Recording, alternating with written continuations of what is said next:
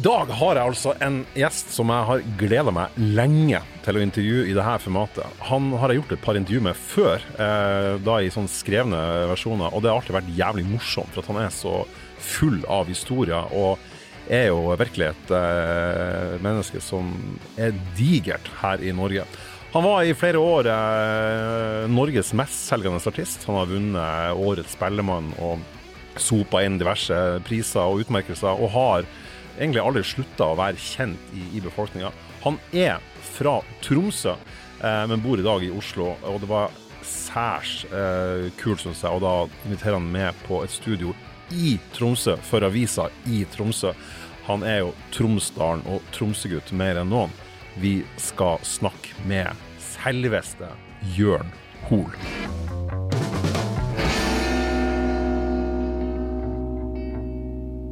Da sitter jeg altså her med jeg må si selveste eh, Jørn Hoel når vi er i Tromsø. Velkommen til Tromsø, Jørn. Tusen takk. Du flytta jo til, til, Oslo fra Tromsø for ganske nøyaktig 40 år siden. Mm. Eh, når du da kommer til Tromsø, nå kommer du da hjem, føler du? Jeg kommer hjem. Jeg kjenner liksom at jeg på en måte blir mer tromsøværing når jeg sitter beina i bakken enn jeg er hjemme i Oslo. For at ungene mine snakker jo i annen dialekt.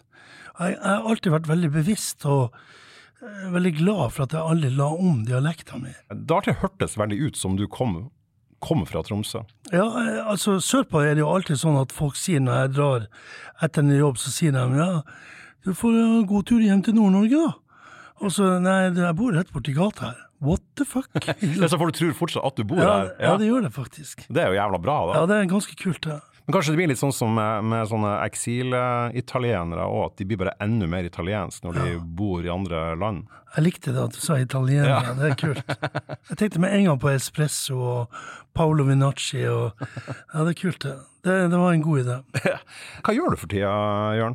Jeg gjør veldig mye rart. Jeg, jeg har jo For noen år siden så eh, kanskje tre år siden, så begynte jeg å spille med en fyr som spiller pedal steel-gitar, mm. og en som spiller percussion. Eh, I senere år så har jeg spilt i veldig sånn nedstrippa band, med to musikere, stort sett. Altså som, som trio? Ja. ja. Og han pedal steel-far, han er jo han jobber jo i PST, han er politimann. Så hver gang Det er nesten litt sånn synd å si det på lufta her nå, men, eh, men hver gang jeg introduserer han, så i begynnelsen så er han byggmester og så blir han etter et par låter blikkenslager. Og så blir han to låter etter der igjen malermester. Så jeg ser publikum blir sånn Hæ? Sa ikke han at han var byggmester, da? Og så blir han til slutt noe, noe helt nytt, snekker eller et eller annet. Men han er jo hemmelig politi, så jeg kan jo ikke avsløre det. Men nå har jeg sagt det live. Altså, en av de to du spiller med, jeg jobber i PST, med andre ord. Ja, rett og slett. Men, men, det som er kult med å spille med en pedelstilgitar i bandet, det er at jeg har alltid hatt sånn For at jeg har på mange måter en veldig sånn schizofren eh, musikalsk bakgrunn, hvor jeg liker veldig mye den ene typen musikk, og så liker jeg plutselig noe annet, og så liker jeg noe annet. Og det er jo det som, når man hører gjennom de platene jeg lager, så er det plutselig én stil, og så er det en helt ny stil neste gang. Eh, og, og det har vært veldig vanskelig for meg å få det til å funke på én konsert. For at det blir litt sånn hummer og kanari. Plutselig kommer en latinolåt, så kommer det en blueslåt, og så synger jeg 'Har en drøm'. Ja. og da blir folk litt sånn, jo, litt sånn rar. Sånn. Men med han pedal steel-typen så har jeg på en måte funnet et slags uttrykk, altså sammen med han, da, som gjør at det henger sammen. At det blir mer sømløst mellom de forskjellige ja. ja, og det er en utrolig deilig følelse. Eh, når jeg begynte å spille med han, så ble det sånn at eh, faen, nå er jeg jævlig lyst til å spille mye. Så de siste tre årene så har jeg spilt kjempemye. For at det er så artig, da? Ja, rett og slett. Fantastisk. Jeg, jeg, kjenner liksom I gamle dager så var det jo litt sånn når man spilte for 30-40 år siden, så var det jo litt sånn den der gleden av å, å spille for publikum, ikke sant, som gradvis forsvant med årene. Eh, fordi at eh, karrieren min ble så annerledes enn jeg hadde trodd, mm. som vi kan prate om etter hvert. Men nå har jeg kjen, kjenne at jeg, nå er jeg litt sånn det er nesten som å sjekke opp ei dame. Jeg er jo altfor gammel til det òg nå, men, men hvis jeg gjorde det i gamle dager, så er det den samme følelsen jeg har nå. Men det, det, er artig at du, at du sier det, for jeg, vi kan egentlig bare ta det med en gang. For jeg tenkte jeg skulle spørre deg om det. For Jeg, jeg så turnélista di for, for 2022, så spiller du på type sånn Eikhaugen gjestegård på Fusa og Bekkjarvik gjestgiveri og Millionfisken på Sjøvegan og, og, og, og så videre. Ja, ja. Men, men jeg tenker på det at altså, sånn, du har jo vært helt ekstremt diger som kommersielt. da. Og når du spiller i, i Tromsø, så selger jo ut med, med, med en gang. Det er ikke sånn at det da røkker i foten etter å prøve å sette opp spillejobber spiller jo på type sånn Rockefeller eller noe sånt mener den trioen din. Ja, Ikke for å snakke drit om de Nei. plassene her, det er Nei, nei, ikke det jeg mener. Altså. Nei, jeg forstår hva du mener. Jeg, jeg kan forklare. Altså, det har vært litt sånn oppi den, i den, i den situasjonen med å spille med en sånn nedstrippa orkester, typen trio, da, Ja. eh, så har det vært litt sånn så utrolig deilig å spille for eh, sånn intim publikum, altså bare kanskje 100 eller 200 mennesker. Det har gitt meg veldig mye store gleder. Eh, Men så må jeg innrømme at i sommer så spilte jeg på eh, Millionfisken, hvor det var 1000 mennesker eller mer, og det samme oppe i eh, Lakselv, eh, Midnattsrock. Ja. ja. Og, og det, var, det var utrolig kult, fordi at eh, Ja, det var litt sånn eh, Jeg føler på en måte at jeg er en bedre artist nå enn jeg var for 40 eller 30 år siden. 30 år siden, hvor lenge siden? er det? 40, 40, siden, 40. Det, 40 år siden debutplata. Det er ganske nøyaktig, faktisk. Ja, ja, rett og slett. Ja. Mm. Når jeg vokste opp her i Tromsø, så spilte jeg med Albrigtsen to kassegitarer, og så spilte jeg i et band som heter Rute 26. Det er akkurat til og med gjort comeback, dere. Ja, vi gjorde Ja, det. ja. Vi gjorde det i, fjor. Ja. Og det var litt sånn eh, Da spilte vi mye blues og rhythm and blues og sånn gammeldags rhythm and blues. Mm. Og, og, og så skulle jeg lage plata, og så Først var det den norske plata som ble verken det ene eller det andre, ubarbert. Så Som, er, som er debuten din? ja, Eh, debutplata. Og så eh, neste plate, da, etter å ha sunget Inkololeko, fikk platetilbud fra alle selskapene. Kan bare si at Elin Kululeko, for de som ikke husker det, da, så eventuelt unge lyttere, så ble det en, det var en Grand Prix-låt som ble nummer to, hvis jeg husker rett. Ja, det er helt riktig. 1986. Mm. Norsk-amerikaneren David Chokran som skrev den låten, ikke sant, og handla om frihet, Sør-Afrika. Veldig eh, kul låt. Og så fikk jeg tilbud om å lage plate, og da tenkte jeg nå skal jeg lage noe kult, noen skikkelig sånn sørstatsmusikk. Det er det som ligger kanskje hjertet aller nærmest. Ja. Eh, og så eh, sier han amerikanske produsenten til meg eh, Jørn, du snakker hele tida om Nord-Norge, der du kommer fra. Hvorfor lager du ikke heller plate på norsk, og så synger du om der du kommer fra?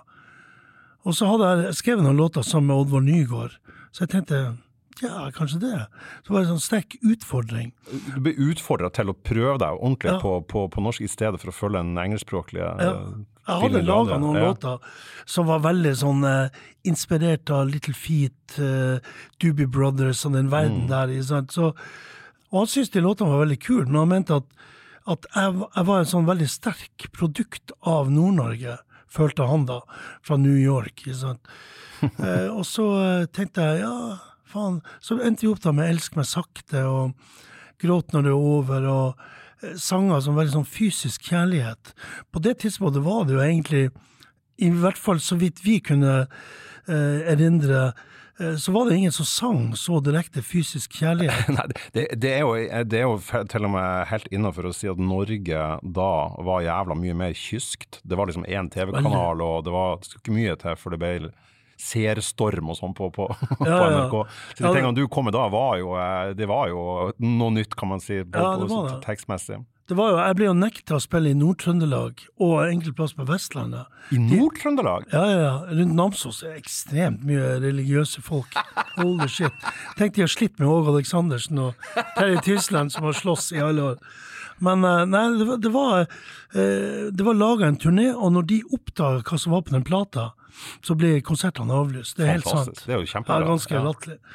Men det som ikke jeg hadde beregna oppi det hele, det var det at det der kunne medføre, når, jeg, når sommeren kom Plata kom ut om høsten 87, Mm. og når sommeren i 88 kom eh, Og jeg var på turné konstant. Da snakker vi om plata som heter Varme ut av is, ikke Ja, stemmer det. Megaselgeren din. Ja. Og så, når sommeren kom, så uh, var det uh, veldig turnering, og det, det, altså det dukka opp masse damer. Det ble veldig mye skriving i, i ukebladene at jeg var eh, kåra til Norges mest sexy mann, og masse sånne ting. Jeg var glad du tok det opp, for det, det var jeg usikker på om jeg skulle spørre deg om. Men, men, men, men, det der eh, vil jeg jo tro kanskje kom litt eh, i veien, går det an å si det? Ja, det gjorde ja. det. det. Det var, jeg håper å si det, det hører Alle kompisene mine ler. De lo av meg da når jeg sa at fuck det der.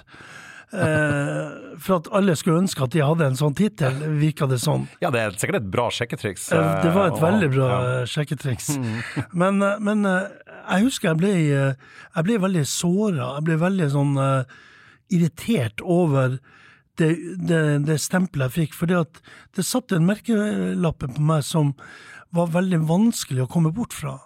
Altså, når jeg hadde spilt da stort sett på prelaten og sånne kule plasser som var da i Nord-Norge på den tida, hvor det var mye gutter som digga kul musikk, og jeg var en av dem sjøl. Eh, og jeg plutselig ble sett på helt annerledes. Eh, på mange måter så burde jeg jo forutsette, men eh, Det går an å si også for, for, for eventuelt unge lyttere at altså de, altså de, låtene du da ble mest kjent for på denne tida, de heter jo type liksom altså 'Elsk meg sakte' og 'Vi skal elske i sneen' og Uh, og uh, da du ga ut en samler så sent som i 2006, heter den Jørn Hoels heteste. Så den der, den der liksom kåtskapen og, og han, han uh, sexy mannen og, det, og det, den greia der har jo hengt ved deg egentlig siden 87. Det har det. Ja. Og, og det, det, var på en måte det som Jeg lagde ei plate i 88 som heter 'Det ingen andre får'. Og så skulle jeg lage en ny plate, og, og det ble veldig mye krangling med plateselskapet. Fordi at de ville ha fortsettelsen på dette. Men det er jo det at jeg dro til New York uten at de visste om det. Så spilte jeg inn ei bluesplate. Ingen som visste om det. Den heter Love Will Make You Do Things That You Know Is Wrong. Som faktisk kom ut på Dekka. Ja. ja som var, legendariske Dekka, som er Stones og masse annet kult. Ja. I, kom ut i 89, da. I et sånn begrensa opplag. Ja, for det ble eh, Jeg hadde jo tenkt å gi plate ut på vanlig måte. Ja. For at det var egentlig den musikken her jeg var vokst opp med, som jeg spilte i Rute 26. Og plateselskapet eh, Det jeg ikke visste, var det at det bodde en nordmann jeg møtte han hver dag i resepsjonen på hotellet, og vi prata jo. Men journalister er noen slue jævla. Han jobber i VG, han eh, typen. Du vet det? Ja, ja. Jeg har hørt det. Det sies. Så, så, han typen jobber i VG, og han lagde jo en sak da, for jeg fortalte han jo veldig mye om dette. Og dermed så fant de ut hjemme i Norge at jeg var og spilte inn en plate i New York. Altså plateselskapet fant ut. Altså ditt selskap i Norge ja. fant ut at du var utro i utlandet? Ja. ja. så, så, da ble det jo veldig mye bråk, og så ble kompromisset da at vi skulle gi ut denne plata i 3000 X. Ja, og den er faktisk sånn, den dag i dag er jo den et sånn, eh, sånn samlerobjekt. Jeg så den gikk på, jeg sjekka på Discogs her i dag. Eh, og skal du ha vinylutgaven av den, så må du ut med en sånn 600-700 kroner. Wow. Så den er, den er fortsatt ettertrakta. Morsomt. Det er jeg veldig sånn fascinert av fra den tida her. altså Varme ut av is kom da i, i, i 87, og så kom Det ingen andre får da i, i 88. Eh, den hadde et forhåndssalg, altså et forhåndssalg, før den var pusha over disk, på 110 000. Og det, det, var faktisk rekord i Norge da. Yes. Og den solgte vel noe sånn 160 000-70 000 eller noe sånt. Mm. Og, den, eh, og den, det ingen andre får, eh, ble jo òg måka helt sjuke mengder over, over disk. Ja. Og det her skjedde på to år, altså i ja. 87 og i 88. Ja, det må jo gjøre noe med deg at man blir så jævlig populær på så kort tid. Ja, det er klart at det, at det var veldig spesielt. Herregud. Jeg mener det er klart du blir prega av det på en eller annen måte. Mm. Men, men, eh, når jeg fikk summa meg eh, og fikk gjort den bluesplata, og når jeg da skulle lage ei plate til etter det, så da hadde jeg mista gruven for å jobbe med musikk. Jeg syntes ikke det var noe artig lenger. Sier du det? At du, ikke, ja. at du ble matlei, eller ble du lei av, ble du lei av, av sexy-hjørnet, på en måte? Ja, rett og slett. Ja. Eh, og jeg ante ikke hvordan jeg skulle bli kvitt det heller. For at det ble aldri kvitt. For at hver gang jeg kom på en scene, så ble jeg introdusert som det. Ikke som artisten Jørn Hoel. Nei, som musiker, nei. Ja, nei. Så, og det var litt sånn uh, sånn, Men det er klart, det gjorde jævlig mye med, med meg. I den tida der så var Det høres jo jævlig rart ut for folk som hører på, men i den tida, så når man dro på turné, så var man gjerne borte tre måneder, kanskje fem måneder av gangen. For vi kjørte jo med buss og biler av gårde. Vi fløy jo ikke med fly på turné som vi gjør i dag. Nei, Så spilte dere vel i hver avkrok som var i landet, som jeg også tror en modell mange norske artister burde ha kopiert bedre i, i dag. Er sant det. det Men det, det kunne også være sånn at man lå eh, i et fiskevær i tre dager og venta på bedre vær, eller på neste spillejobb, for at det var ingen plass å spille på en søndag. Så, så, og da var det jo sånn at man eh, jeg håper å si, man levde veldig på en annen måte. Og det å gå rundt og være en sånn der figur som folk hadde sett på TV, og eh, veldig rart. Veldig Jeg vet ikke. Jeg, vil, jeg tror kanskje et, et økonomisk aspekt her også. Du, du nevnte jo i stad han Oddvar Nygaard. Eh, han Oddvar er jo i Tromsø i hvert fall best kjent som, som journalist og, og nådeløs politisk kommentator. Jeg har vært kollega med han sjøl, faktisk, og, Ja. og kjenner han best som, som det. Men han var jo med som, som, eh, som tekstforfatter på, på de, de første platene dine. Han Ja. har også skrevet en låt lag med deg på den nevnte bluesplata. Den, den, Ja, den Siste, siste låten er vel han som har eh, skrevet teksten på. Og jeg husker han Oddvar fortalte meg fra denne tida altså Når jeg sier 160 000, så syns kanskje folk ikke at det høres så jævlig mye ut, pga. at man tenker på sånn Spotify og mange millioner streams og sånn. Men kan bare nevne at et band som Dum Them Boys eh, aldri var over 100 000 ikke sant, på de første platene Ja. Sine, når de var dritsvære. Så liksom over 100 000 var en sånn magisk grense. Gullplate var 30, eller hva det var. Så det, var, sånn, det, var, det var voldsomme tall der. Og han Oddvar som har skrevet tekstene, fikk jo også da eh, penger eh, som følge av det. Og han, han fortalte at han drev og ringte kontofon, som det heter i sin tid, og sjekka eh, ja. hver dag. Og det, det rydder bare inn penger. Okay. Eh, Noe så, så jævlig med penger også. Det er klart, jeg, jeg mener sånn, jeg kom jo fra en veldig enkel familie i Tromsdalen, ikke sant, og hadde jo egentlig alle pengene. Når jeg flyttet til Oslo, eh, så var jeg konstant blakk. Jeg kjørte rundt med Aftenposten hver dag. Hadde ei, ei gul boble som så vidt hang sammen. Så bodde jeg sammen med fem damer, og ene var selvfølgelig dama mi. Og så var det søstera hennes og søstera mi, og, og så videre. Men så organiserte jeg sånn, hvis jeg skulle ut og spille, så måtte de organisere den Aftenposten. Og ta runden for deg, Ja, ja, ja, faen. Ja. Og, så, og så hadde vi ei datter som lå hjemme og sov. Så jeg måtte være hjemme, og de andre ute på jobb. Og så så jo jeg at det funka sånn, eh, sånn businessmessig, at, det- at eh, det var en, eh, en kul måte å overleve på, for vi bodde jo i et sånn lånt hus. Og da kjøpte jeg, da kjøpte jeg ei boble til. Så to, to, Ja. to, to biler. Ja. Så jeg sendte jentene ut i ene bobla, og så var jeg og den ene jenta da ut på den andre bobla og kjørte. Så sånn overlevde vi. Men, men, og så kommer det et tidspunkt hvor du selger så mye plater. Hvor jeg husker første spillejobben hvor jeg hadde et eller annet 80 eller 100 000 spenn i honorar. Eh, Så lånte jeg en Som, dokumentkoffert. som ville vært mye i dag. Da fikk jeg lånt meg en koffert, og så spurte jeg arrangøren kan jeg være så snill å få honoraret i hundrelapper. Han syntes det var jævlig rart I ønske. en koffert. Ja, Så putta jeg det oppi kofferten, og så gikk jeg inn backstage til gutta etterpå. 'Gutta, vil dere ha honoraret nå, eller, eller vil dere ha det seinere?' Sånn. 'Å, jeg vil ha penger nå.' Så åpna jeg kofferten, bang! Full Olsenbanden. Og det er klart at når du kommer fra et liv hvor du ikke har lært å ta vare på pengene, så, så satt det veldig løst. Ikke sant? Og, Ja, ja, og, og den delen kjenner vi jo til. Ikke sant? Og rockehistorien er jo full av det av sånne problematiske opplevelser for enkelte artister og musikere, men, og det blir det for meg også. Men var det sånn at du mista kontroll på det, på det tidspunktet, at du skjønte at det her må du ha noen eh, voksne til å ta seg av? Ja, eh, jeg fikk jo regnskapsfører og revisor og sånne ting, men jævlig vanskelig å overtale en fyr med blå øyne som var, hadde fått merkelappen 'Norges mest sexy mann' til å holde igjen bøkene. og så husker jeg kona til manageren min, hun var jævlig streng. Så jeg, jeg la det som en sånn der Det var liksom en sånn game for meg å prøve å få ut mest mulig forskudd av denne dama, for hun var jævlig vanskelig. Ja, altså, altså klok. Ja, veldig klok. ja. klok. Det er jævlig morsomt, for jeg leste um, Jeg var inne på Nasjonalbiblioteket, og så prøvde jeg å se hva tid du først var, var intervjua her i avisa. og det var i 1975, som musiker i hvert fall. Ok. Eh, så skulle du og Steinar eh, Albrigtsen holde en konsert på Verdensteatret i lag med tre andre band. Ja. Og det var du intervjua. Og da, da var du jævlig stressa for at det var så kostbart å produsere den konserten. Dere må, dere må, eh, dere må ta så høy inngangspris. Eh, og da tok dere faen meg tolv kroner. Jævlig bra. Så, så ting, ting, ting kommer jo fra et sted. Og, Ja. og, og, og det var han Steinar da. ble jo òg helt gigantisk på, på, på et par år etterpå med, Mm. Ja. med, med, med, sine plater. Så dere var jo to kompiser fra, fra gammelt av som ble Ja. jævlig svære. Det er utrolig små odds for at noe sånt skal sant. skje. da.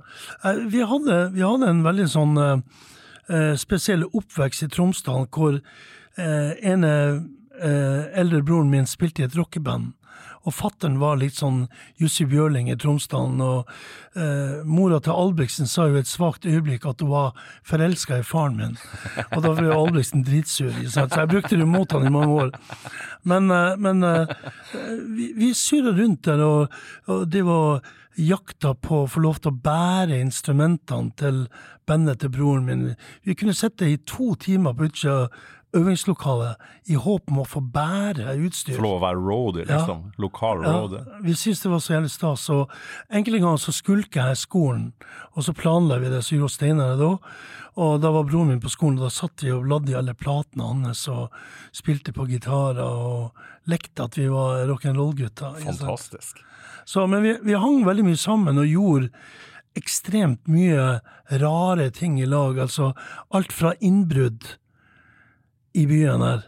Gjorde dere innbrudd? Vi gjorde Altså, innbrudd. gjorde dere brekk? Ja, vi gjorde brekk. Wow! Eh, og Det, det, det er jo foreldre. Så fortell, hvor dere gjorde brekk hen? Nei, vi gjorde, vi gjorde eh, Det første brekket vi gjorde, det var Det første!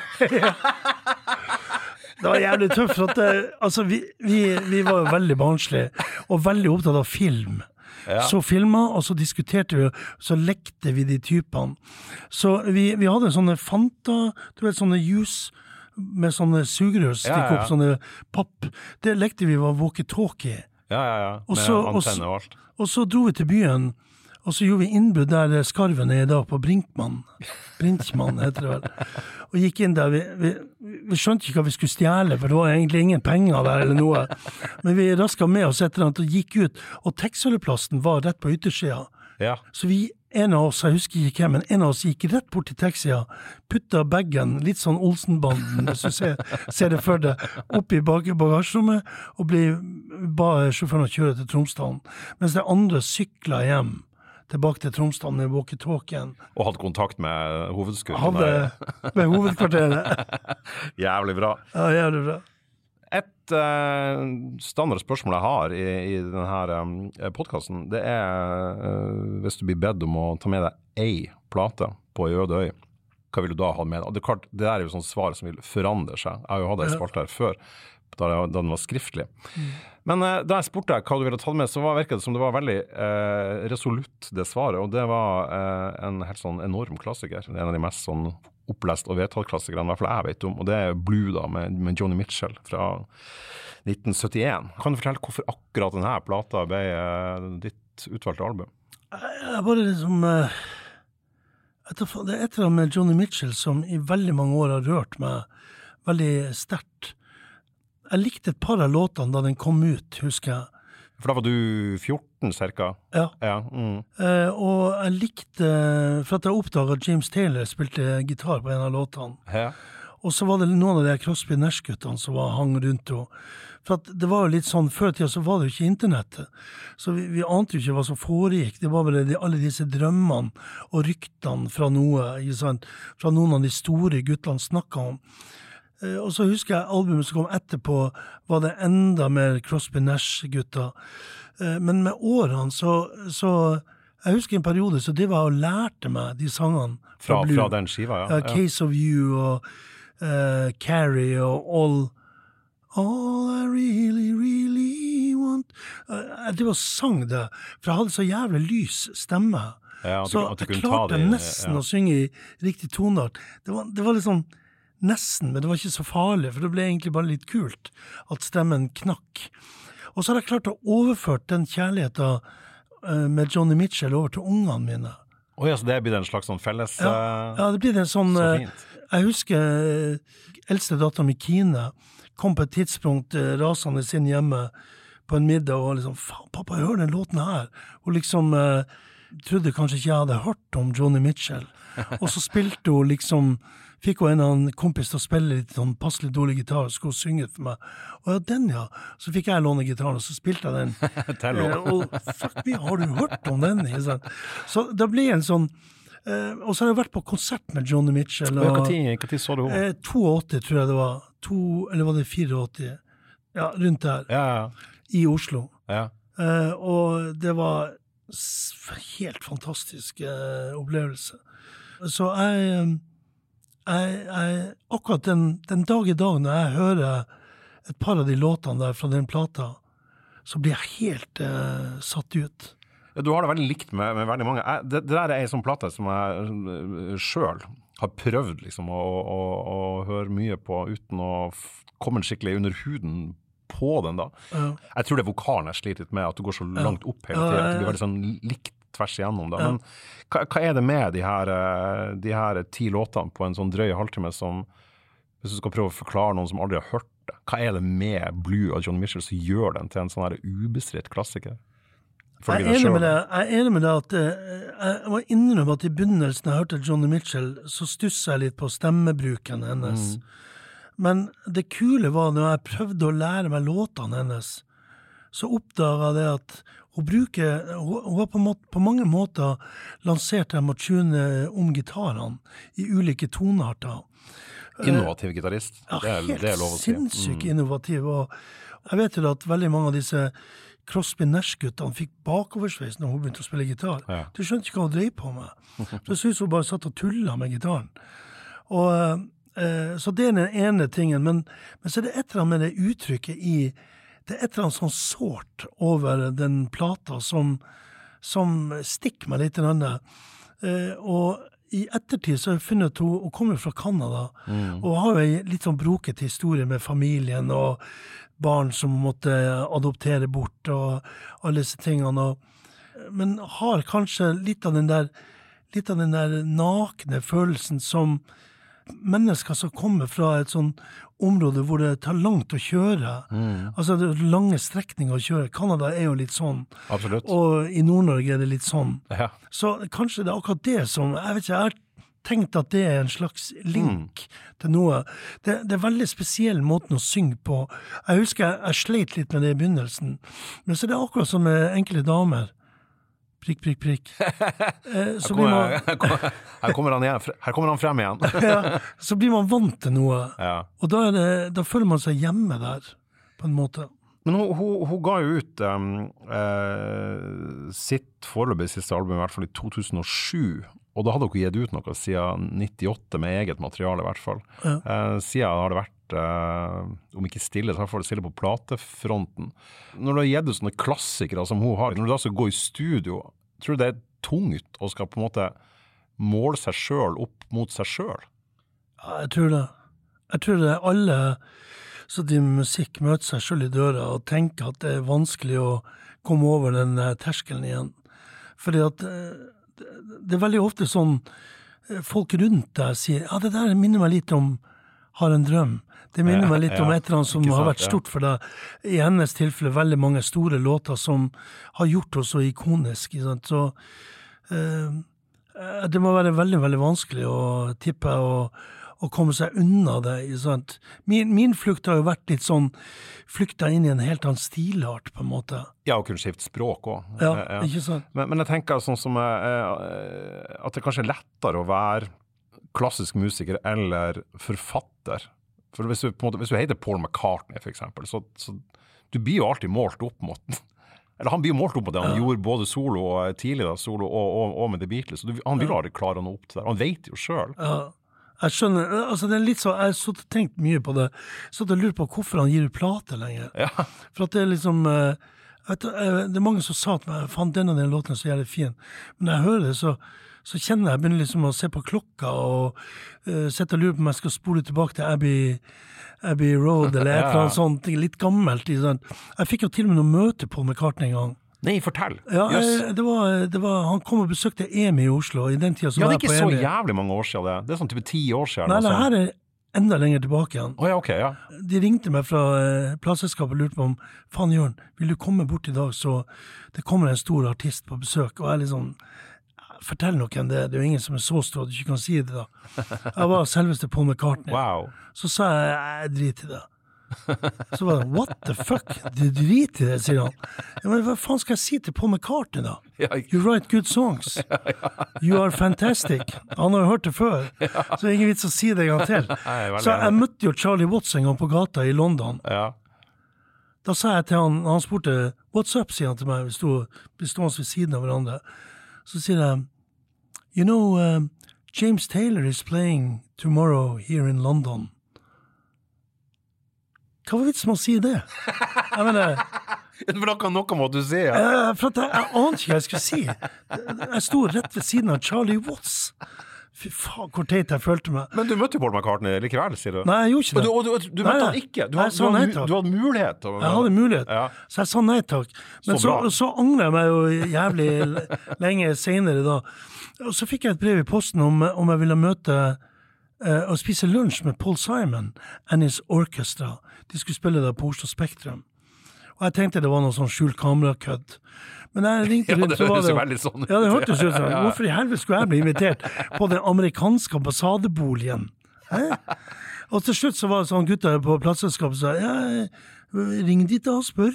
Og så ringte jeg til uh, ambassaden og sa hei, my name is Jørn Hoel. I got a letter invitation here. Yes, the ambassador is a big fan. Jeg bare tenkte really? Ikke sant? Ok, eh, så ville jeg invitere meg på lunsj med Paul Simon. Ok, I'll, I'll be there. Så kom jeg dit.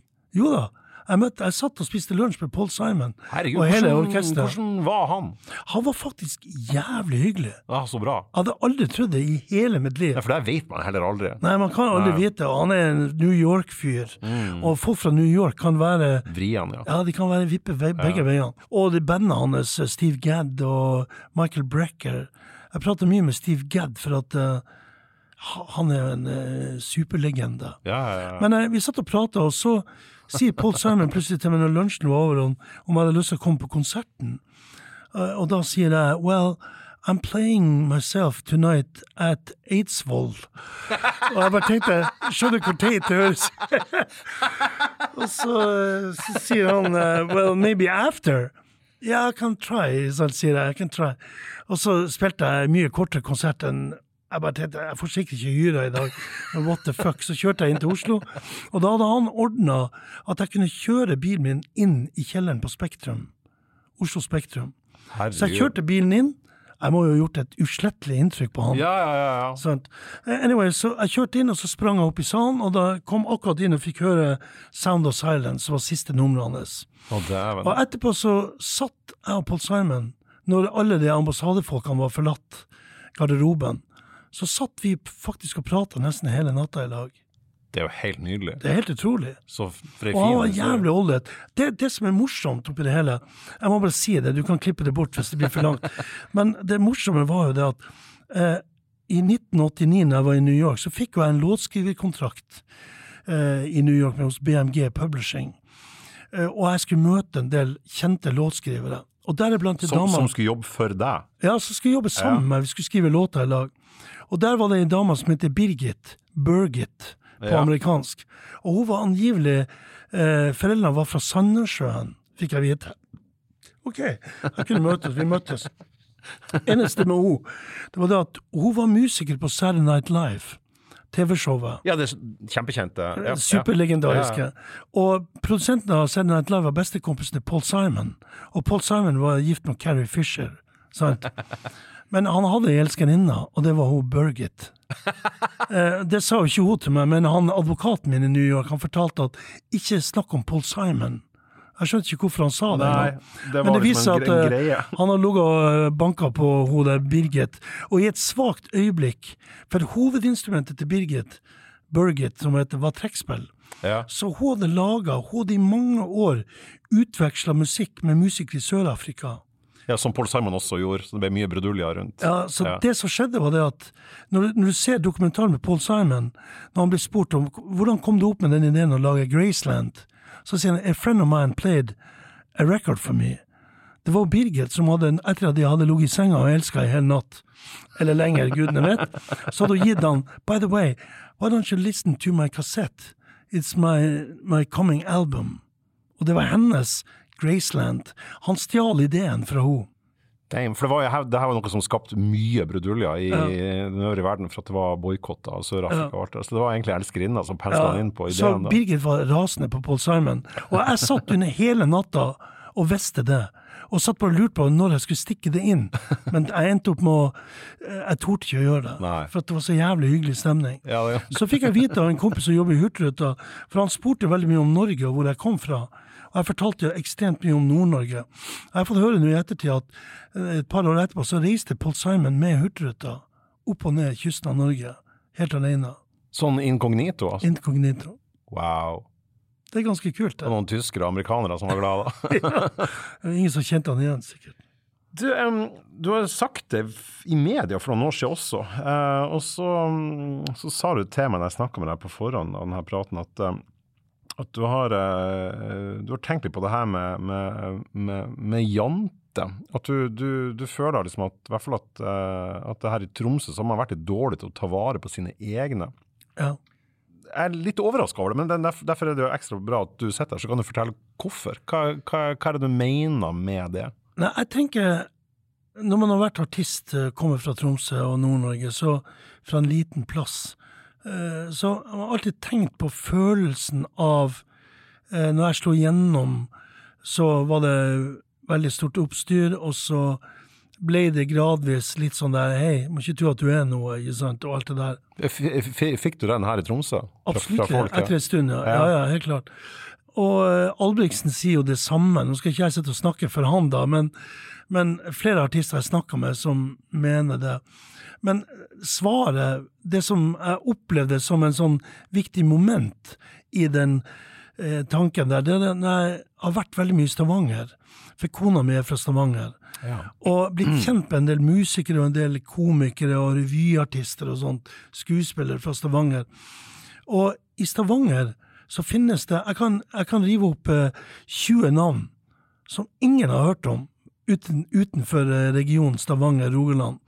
De er verdensberømt i egen by. De spiller for utsolgte hus i egen by en hel vinter. Som er for meg bare Jeg fikk helt bakoversveis. En fyr som Dag Skreiner, som er noe av det morsomste jeg har hørt i mitt liv, Ja. men som folk i, i Oslo by aldri har hørt om. Han spiller forestillinga si med Gjerne aleine på et, på et sånn eh, komiteater i Stavanger fra eh, september og helt til i april.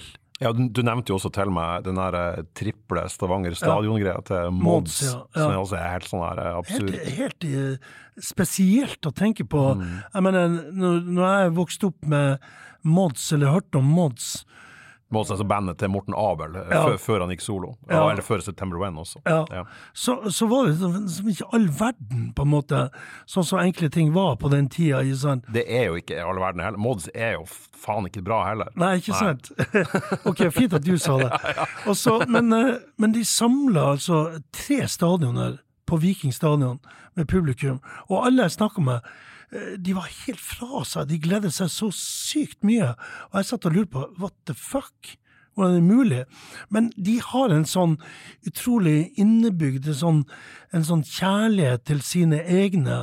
En slags sunn patriotisme, tenker du da? Ja, på en måte. Ja. Sånn, jeg, jeg, jeg oppfatter det samme litt sånn i Sverige, at svensker er veldig glad i sine artister. Altså, det høres ut som nå når jeg Nå begynner liksom jeg å rippe i noe sånn Sånn eh, be for min syke mor og bla, bla, bla, alle de tingene der. Nei, jeg, jeg syns det er jævlig interessant. Jeg syns bare det er litt rart, for jeg har liksom opplevd det Nå snakker ikke jeg for meg sjøl, men jeg har liksom opplevd Tromsø som en, som en by som eh, Eller for så vidt, for, for min egen del òg, en by som det var veldig lett å komme til og, eh, og gjøre ting, og man fikk eh, stort sett applaus, i hvert fall. Og sånn har jeg opplevd at Tromsø er en by som er på veldig mange måter tufta på at det kommer masse søringer og folk fra resten av Nord-Norge. Så man er vant til at det utafor er ressurser. da.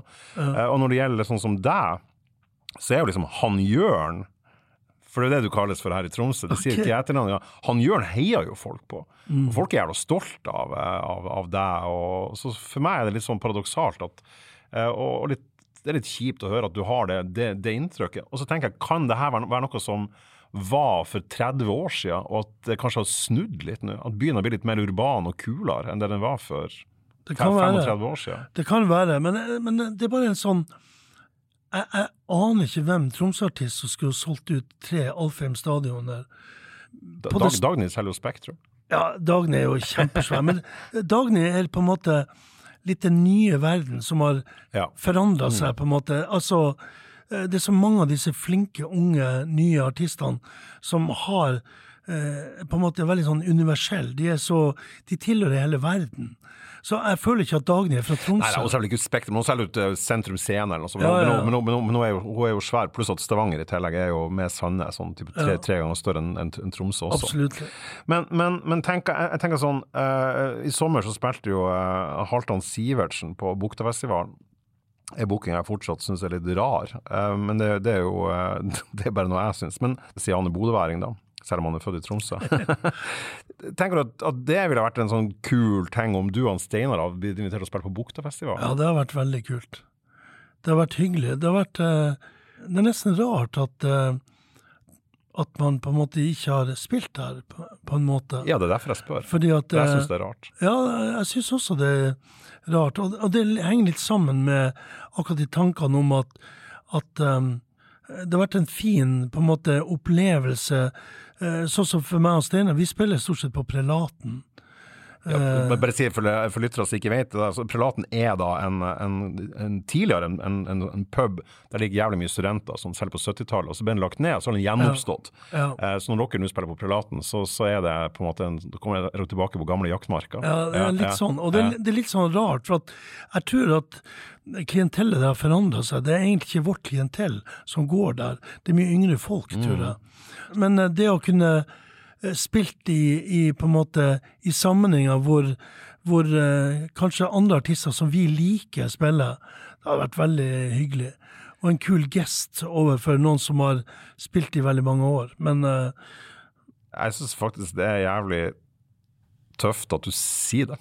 I stedet for å være høflig og si at nei da, det må andre finne på. Jeg synes det, det, Nei, det, det var litt deg òg, tenker jeg. Ja, jeg, jeg, jeg syns det er kult å bare nevne det. Ikke sant? Sånn, mm. jeg, jeg mener, det står ikke å falle på det heller.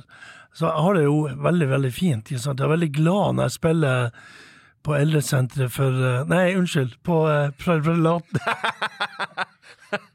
det er veldig cool. Vi spilte jo, jeg og Steinar der, jeg vet ikke om det var fem dager eh, her for to-tre år siden. Ja, det var rett før pandemien. Ja, jeg ja, dere, eh, ja. det var utsolgt. Fem, eh, fem eller seks Fem dager var det. Ikke sant? Og det var veldig kult. Og det var, det var jo litt sånn, at Steinar hadde vært sjuk rett før, og, og jeg var veldig spent på om han egentlig holdt om han fiksa det. Ja, men det gjorde han jo. Han gjorde det Ja. Når det gjelder dine musikalske referanser, så, så, er, det, så er det særlig én altså, En ting hva du hørte på som, som ung. Eh, det begynner å bli såpass lenge siden. Eh, eh, men vi skal komme inn på det også. Men jeg, er litt interessert i å vite hvordan du kom over Trygve Hoff. Veldig mange forbinder jo deg med Trygve Hoff, og, og mange av dine mest kjente låter fra den, den, den storhetstida da du, da du ga ut plate som solgte veldig mye, er, jo, er jo låter som er signert uh, Trygve Hoff. Og han, han Oddvar Nygaard, som vi snakka om her i stad, som har skrevet flere av dine tekster, sier jo at han har altså fått så sinnssykt mye skryt for tekstene til Trygve Hoff, som folk tror det, det er han som har skrevet. Kan du fortelle litt? Ja. Hvem, hvem var Trygve Hoff, og hvorfor ble han viktig for deg? Nei, altså, eh, første gang jeg møtte Trygve Hoff var på 70-tallet. Han var jo en litt sånn brautende visesanger av den klassiske, gamle nordnorske stilen med tørkle i halsen, rødt tørkle, skinnvest. Altså, han, han så ut som en nordnorsk visesanger. Ja, fra Saltdalen, fra Rognan i, Ikke i? Saltdalen. Ja. Og, men han, han, var, han var veldig sånn sterk personlighet, sterk fyr. Men jeg klarte aldri helt å like han, altså som artist. I den tida så likte ikke jeg sånn visesang. Jeg var, det var en kort periode hvor jeg på grunn av at jeg skulle lære å spille gitar, at jeg likte å øve litt på Ole Paus, Lillebjørn Nilsen og litt av de sangene der jeg og Albrigtsen vi hadde en sånn bok vi hadde fått tak i, og jeg, jeg tror faktisk tekstene og akkordene fulgte med platen, kanskje. Eh, men, og så kom Trygve Hoff med dette nordnorske. og jeg, jeg, syns det var helt, eh, nesten litt komisk å høre på. For det er jo en dag i dag veldig sånn, eh, sånn nesten sånn over, i klisjé-nordnorsk. Ja, det det. han har jo skrevet også nordnorsk julesalme, som, Ja, ja. som er blitt en slags nasjonal heller, heller, sant? også. Eh, bare skyte inn, og, Oddvar Nygaard, som du nevnte. Oddvar hadde jo aldri skrevet en tekst i hele sitt liv. Jeg tvang han til å gjøre det. Jeg, jeg skulle, vi skulle lage en, for de som husker, det ble laga den der Tromsø Sparebank, den rødbanken oppe i Storgata. De spurte meg om jeg kunne lage en sånn eh, kassett, eller jeg overtalte dem sammen med noen andre til å lage en slags sånn rockekassett, som noen har enda den dag i dag. Ja, den er jo eh, legendarisk. Ja, Ja. Hvor jeg konferansierer på greia og lagde en låt som heter Bankhjørnet. Og da eh, sa jeg til Oddvar Nygaard du er nødt til å skrive den teksten. Jeg, sier han. Jeg, jeg, jeg har aldri skrevet noen tekst. Oddvar, jeg kjenner ingen som har hørt på så mye eh, For det første har lest så mange bøker som eh, du har gjort, pluss at du har hørt på så mye bra musikk. Du er glad i countrymusikk, og det er jævlig mye bra tekster. Det der fikser du. Han er jo meget skrivefør, det er er verdt å påpeke også. Absolutt. Ja. Men, men den gangen, da hadde han aldri vært journalist. Han var helt ukjent. Han var en, eh, en rød politiker. En bakgrunnsmann i den røde bevegelsen. Så, så det var den første.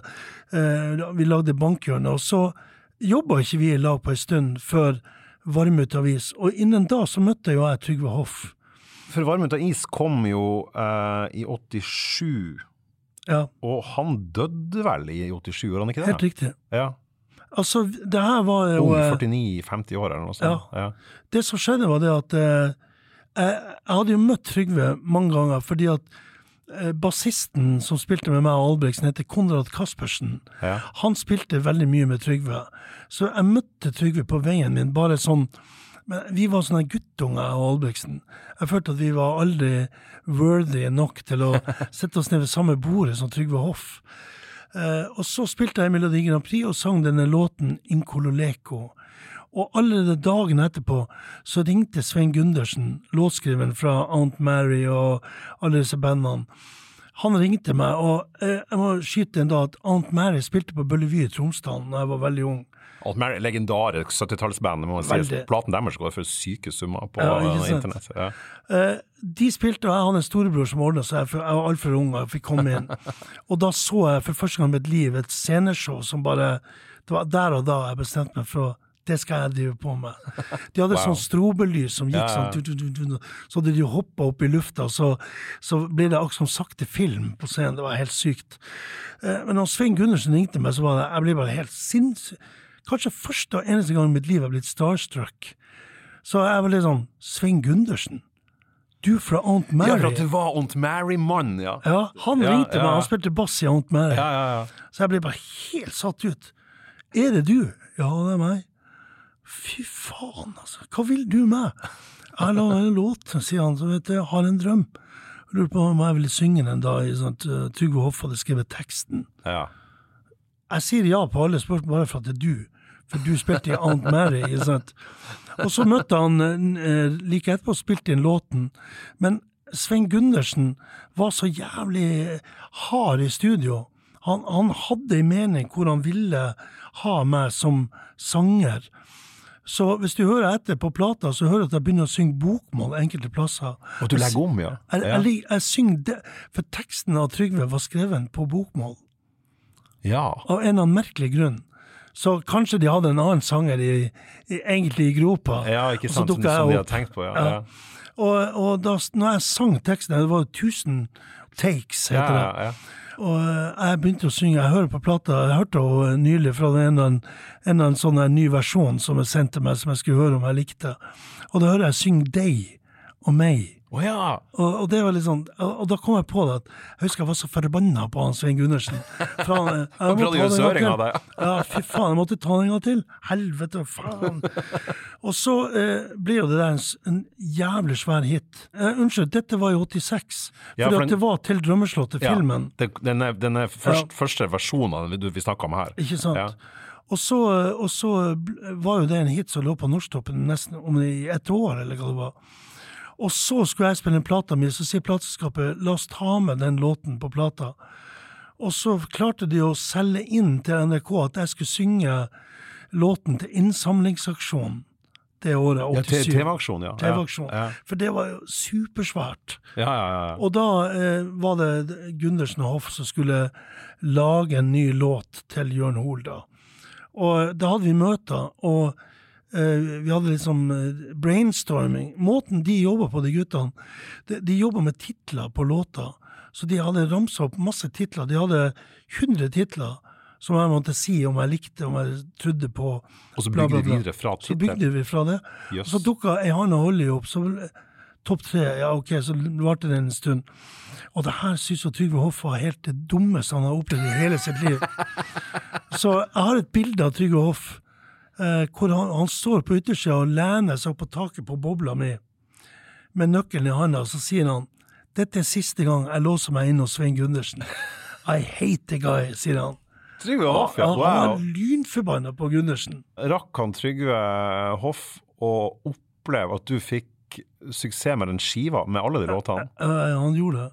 For at han døde jo samme året som den kom ut. Ja. Men han, han rakk det, altså. Han, ja, han gjorde det. Han, eh, eh, vi, vi solgte jo veldig fort, veldig mye. Det ble en sånn greie.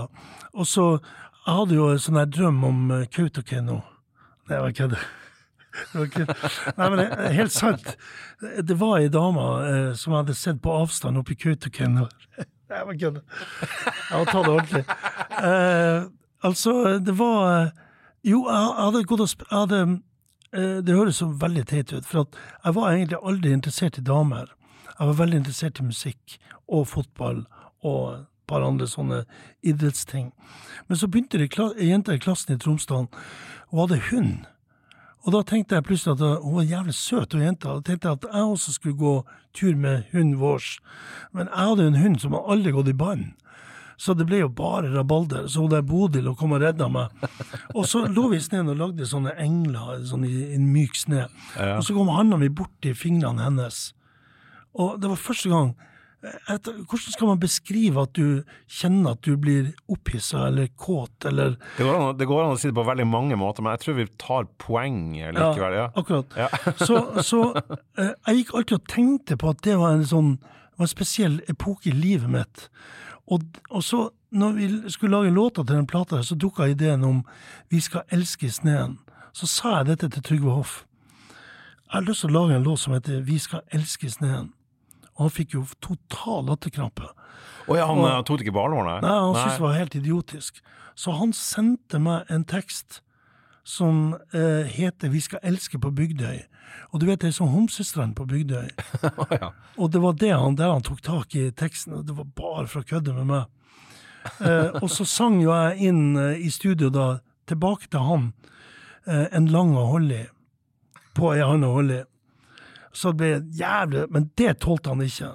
Det skulle han ikke ha noe kødd med. Nei, så det, var- det, Det kunne jeg ikke kødde jeg tror ikke det hadde gått så jævla bra i dag, i hvert fall. Nei, nei, nei. Så, Eh, men, men Trygve var en eh, Han, han var en, en, en eh, voldsom type. Altså en sånn Ja. kraftfyr sant, som, som Den gangen når, vi holdt på med denne plata her, og i Hanna Olli, så fikk jeg et helt annet inntrykk av enn jeg hadde møtt han på roaden rundt i Nord-Norge.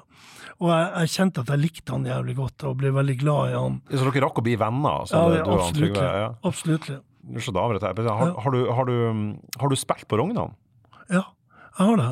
Det må være litt spesielt. Altså hjembygda hans. Ja, det var det. Jeg spilte det et par ganger. Jeg spilte, jeg spilte i en av de sommerprogrammene på togstasjonen. Så spilte jeg Hanne Holly og, og Har en drøm. Ja. Og det, var, det er litt sånn rar feeling. Ja, for at du føler at du er liksom i nærheten av en slags kilde. Ikke sant? Ja, ja, ja. Så um, Nei, han var en uh, utrolig karakter, og utrolig sjarmerende type. Jeg, sånn, jeg husker jeg og Albrigtsen så han i, i Honningsvåg slutten av 70-tallet. Vi var på sånn rikskonsertturné, kom inn på Honningsvåg hotell. Der spilte, spilte, Trygve Hoff, og vi gikk ned i kjelleren for å se på han. Og det var et fuglefjell av kvinnfolk som sto der og sikla på Trygve Hoff. Og han sto der litt sånn svett og løsna litt til stadighet på det jævlig tørkleet han hadde. Jeg mener, jeg tror han hadde tørkle på seg hele livet. Så sånn ut. Litt sånn som uniforma til Tom Waits, på en måte. Ja. På mange måter. Han var liksom bygd inni den der vesten sin og alt det der. Men han hadde enorm utstråling. Og kvinnfolkene alle var helt Jeg tipper han kunne bare har bare spasert ned i salen og prikk, prikk, prikk. Så det er på en måte den, den, den, den uh... Jeg liker måten du bare tar vekk når, med en gang jeg begynner å nærme meg sånne farlige poeng. Nei, nå skal jeg dra det lenger inn i det farlige, så ikke, faen ikke ta den. Nei, det, det jeg tenker på, det at det, det som egentlig skjøt fart i dine ambisjoner, hvis vi skal være litt sånn tabloider, så er det jo en blanding av Aunt Mary, Trygve Hoff og en første sånn berørelse i, i å lage 'Engler i snøen'. Det er jo fin, da. En fin trio som er sendt av gårde i, på en helt vanvittig tur. Ja, det er sant, det. ja. Men, men, det er faktisk tilfellet. Det, det, det, er rart med det. Men uh, og så, er det den, eh, den der rare greia med meg og Nygård som reiser til Pamplona for å for Ja, du, det her må vi Altså, det, det du sier nå Du og Nygård, altså han eh, Vår felles kjenning, da, som, som skrev tekster for deg. For det her er litt sånn for å si hvordan platebransjen var på denne tida. Ja. Eh, dere dro altså på sånne her eh, såkalte inspirasjonsturer for å, skrive, for å skrive musikk. Der var det som da heter sjekkheftene ganske åpne, tror jeg. Mm. Dere dro til Pamplona i Spania, dere dro også til USA. Absolutt. Var, var det plateselskapet ditt som betalte for det, eller var det du som la ut for det? Eh, jeg tipper at det var til slutt meg. For det har jeg lært med tida, at uh, det, er det, er ingen gratis lunsjer i den bransjen nei, der. Nei. Men uh, etter Incololeco så, uh, så sto alle absolutt alle plateselskapene i køa og tilbød meg kontrakt. Og så valgte jeg å gå til Da snakker vi de store, ikke sant? Det som ja. da var Polygram, EMI, Warner og BMG. Det var vel de store på den tida. Ja. Sony, eller etter hvert Sony, da. Sony, ja. CBS heter det ja. kanskje. Mm. Men, eh, men, eh, nei, det var for at og, eh, i alle de årene når jeg gikk med dattera mi i barnehagen, så gikk jeg forbi Polygram. Jeg hadde gitt ut ei plate som ikke var spesielt vellykka. Solgte 3000 X. Hva, den ubarbert? Ja. ja. Jeg fikk jo veldig gode kritikker, men jeg solgte veldig dårlig. Eh, og så gikk jeg forbi eh, hver dag jeg leverte dattera mi i barnehagen. Og, og, og, veldig ofte så begynte Fred Eng, som jobba i Warner, ja. å komme i vinduet og rope på meg. 'Jørn, kom inn etterpå.' Kom jeg inn der, fikk jeg masse skiver. Masse sånne vinylplater. Bare plukk, ja, jeg plukk med meg. Og det er sånn Jævlig kult gjort av han. Så jeg fikk alltid et sånn utrolig godt inntrykk og et forhold til de der Warner, BMG, altså de der label-guttene som jobba der, de var veldig kule med meg. Uh, og uh, jeg var veldig glad i alle Warner-albumene, for at det var mye bra ting som kom ut. Og han hadde jo alltid noe fra 70-tallet liggende der. Det er hele katalogen til Neil Young, blant annet. Ja, ja, fy faen, det var helt sinnssykt. Uh, og så, når, når jeg fikk platekontroll, så det, gikk jeg tilbake til de og sa jeg, jeg vil gjerne jobbe med deg, Fred. Og han var i Polygram. Og så ble jeg skuffa over da, til Petter Singsås som akkurat hadde begynt der. Var, han var ny da? Petter Schengst? Han var, han var, Petter Schengs bare sier han er liksom en svær nestor i, ja. i Norge og har vært uh, leda det største altså, programmet som da ble Universal. Altså ja. det, det, største av alle. Liksom. Absolutt. Mm. Eh, han hadde i den tida der, eh, tror jeg, av syv utgivelser så gikk seks av dem rett til helvete. Men min var supersuksess. Men, men, det var ikke han som signa meg. Det var, Jeg signa egentlig med Fred og Jørn Johnsen, så han fikk jo liksom æra for at den plata ble så stor, da. Men oppi det hele så var det Så sier jeg vi har ingen låter. Vi har, har en drøm.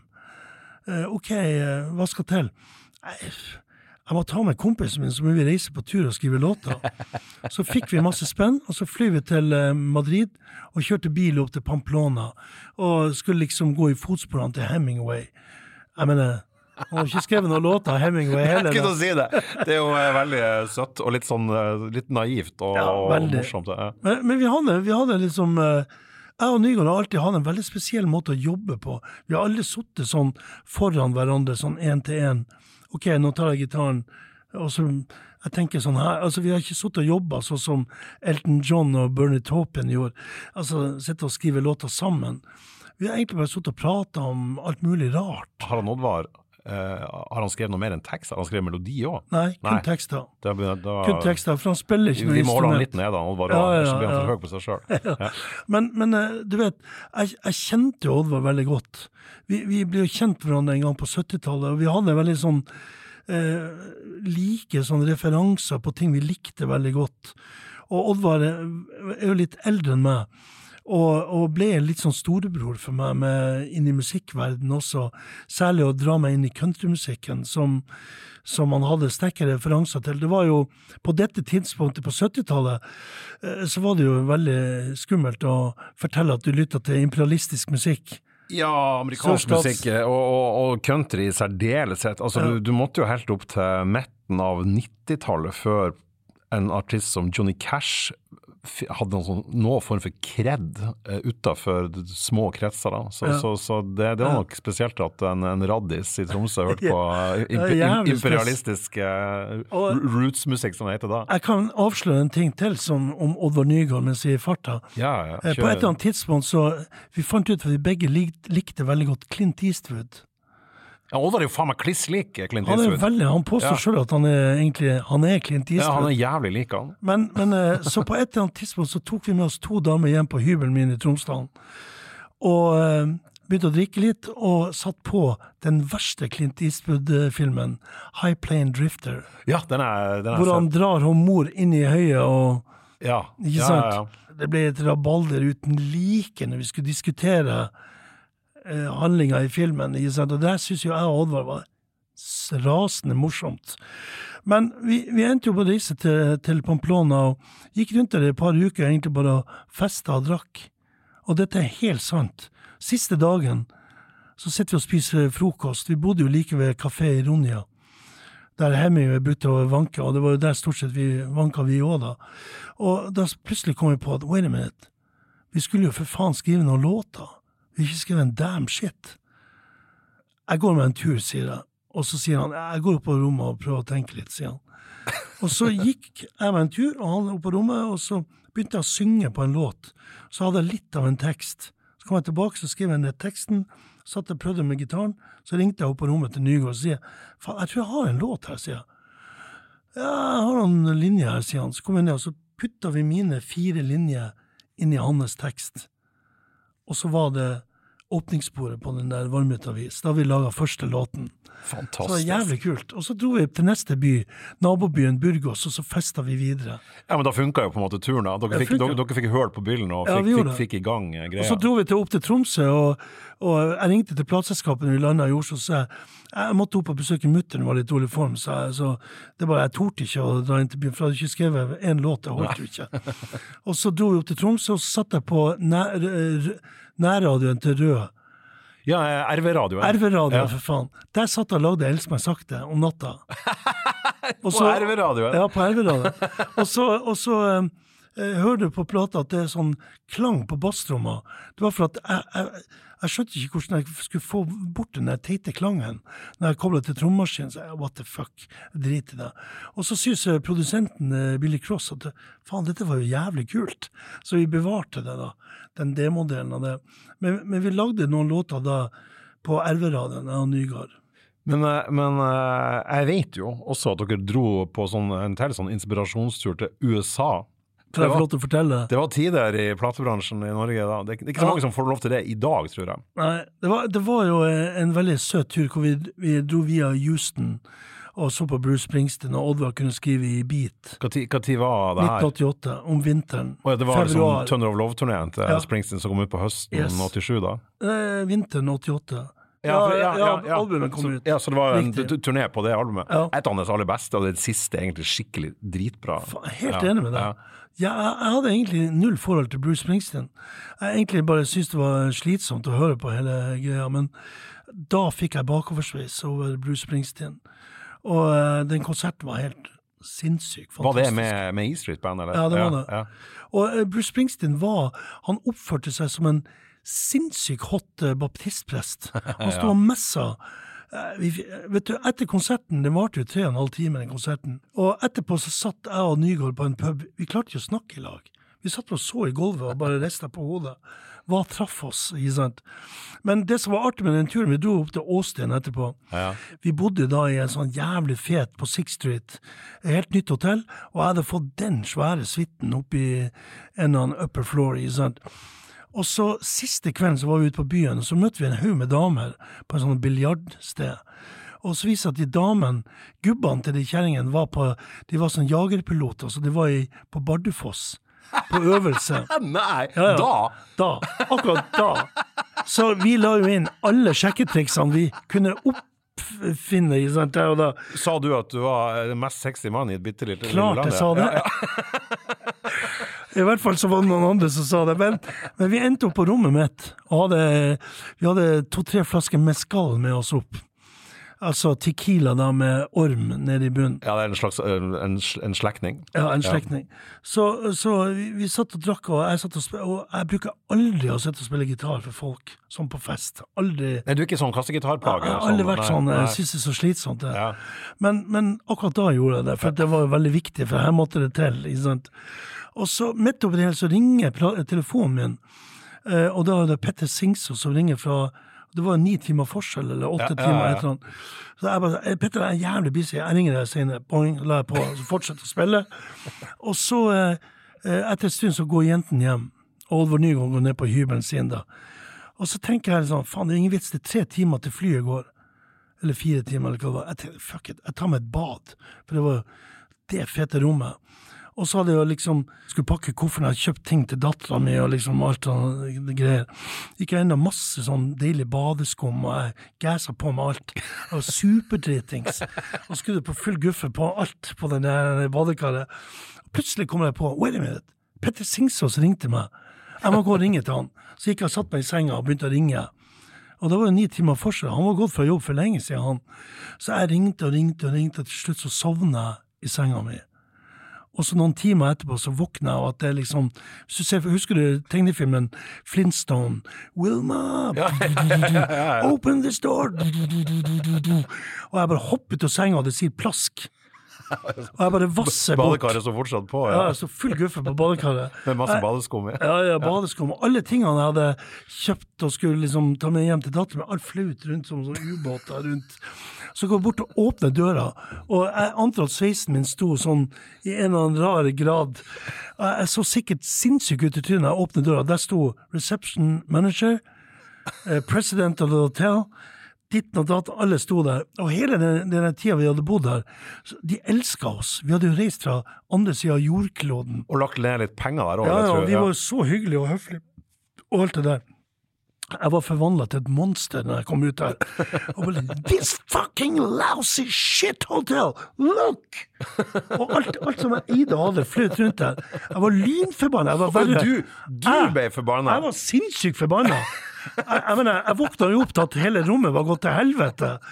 Så jeg bare holdt en helvete skjennepreken til de her typene. Slamra igjen døra, vassa inn, ringer ned til Nygård og sier fuck! Vi har forsovet oss, og hører jeg Oddvar hoppe ut av senga og si plask ned hos han òg. Han bodde i syv etasjer under meg. Ikke sant? Jeg bare vassa bort, begynte å vri opp alle ting, heiv i kofferten, skrudd av det jævlig teite badekaret, kom meg ned i resepsjonen, hvor de presenterte meg omtrent like stor som regning som var like stor som telefonkatalogen. Hvor jeg måtte betale millions, ikke sant. Og jeg var fremdeles sinnssykt lynforbanna. Selv om det var deres skyld. Uh... Jeg visste ikke det. Jeg var jo dritings. Jeg hadde ikke peiling hva som foregikk. Så jeg snakka meg ut, av hun dama i resepsjonen Just go! Just go! Så bare skufla oss ut i en taxi, og så vi dro av gårde mot flyplassen. På veien til flyplassen så kjører vi forbi eh, den gata hvor alle musikkforretningene er. Så ser jeg i vinduet en helvetes fet rød elgitar. Driver, stop the car!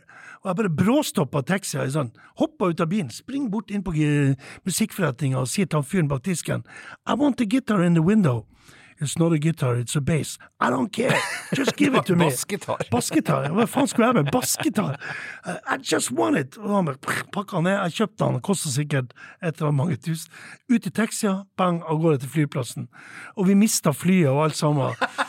flyet. Ja, ja, selvfølgelig. Det var jo gått for lenge siden. Så vi satt jo der og venta på et ny, nytt fly. Og mens vi satt og venta der, så kom jeg på Wait a minute. Det var sånn det var. Jeg skulle ta et bad i badekaret. Da begynte det å demre for meg. Da skjønte du at skjønte det var du som hadde, var arkitekten bak hele fa- faenskapet. Men fikk du aldri noen regning der? Aldri. Uh, jeg har aldri tort å reise tilbake igjen til Åsland. Det står sikkert sånn der wanted. wanted. Jeg kunne ha snakka med deg i timevis, uh, Jørn, men uh, du har et fly du skal rekke. Uh, Ja, det er lenge til. Så, ok, det er bra. At, um. Ja, så bra. Det er veldig interessant med, med en fyr som deg, som har gjort så mye uh, forskjellig, uh, og som har uh, drevet med musikk egentlig siden du var eh, liten guttunge. Du fikk jo en gitar, den første gitaren din fikk du av mora di. Ja.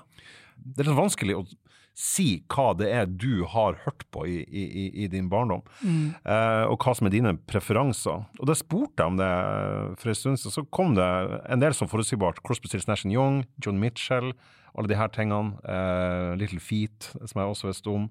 Uh, James Taylor, uh, Tom Waits. Alt, alt det der gir veldig mening. Men du var jo også jævlig fan av tyngre og hardere ting. Black Sabbath og Led Zeppelin, eksempel. Ja. Har det vært noen ganger hvor du har på en måte hatt lyst til å lage rockplater? Ja.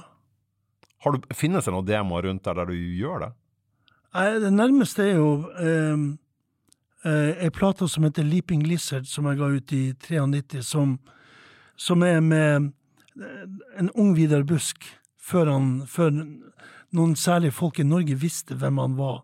Ja, den, ja, ja, den, ja. Ja, den, Ja. den plata, ja. ja, ja, ja. Og da, da var jeg jo litt sånn der eh, Litt sånn jeg kom til EMI plateselskap. Jeg gikk rundt, jeg var ferdig med kontrakten med Polygram, det som ble Universal da. Og eh, gikk rundt og shoppa på en måte og spurte, og fikk mye Alle plateselskapene hadde vet, De visste hva jeg skulle spille inn. Så det Ja. kom med forslag. ja. Og det eneste plateselskapet som sa til meg eh, det får du velge sjøl hva du skal gjøre. Når jeg spurte, det kom til de da, EMI, så sier jeg så, så hva vil dere jeg skal gjøre? Hva er deres forslag? For det, det var så teit at de kom med forslag. Ikke sant? ja, ja, ja. Eh, og så sier de, de gutta på EMI nei, det må du finne ut sjøl. Skal få eh, de pengene du trenger. Så bare si fra hva du har lyst til å gjøre. Så da signa jeg dem med en gang. For jeg har aldri opplevd det. Og det var første gang jeg var på en måte Jeg var fri til å gjøre hva jeg ville. Og da, på den plata, det var på en måte det mest det nærmeste jeg kan tenke meg at jeg fikk lov til å gjøre uten at noen mente noe og skulle Sånn som Varm ut avis med Har en drøm og alle de låtene der, så var det på en måte bare å spikre inn eh, spikeren i den suksesskista som var tanken. Eh, Var det, var det en slags sånn fuck off til den, til den unge og suksessrike Jørn Hole, da? Ja, på en måte. Ja. Og litt det stempelet om Norges mest. For det irriterte meg, alt det der der.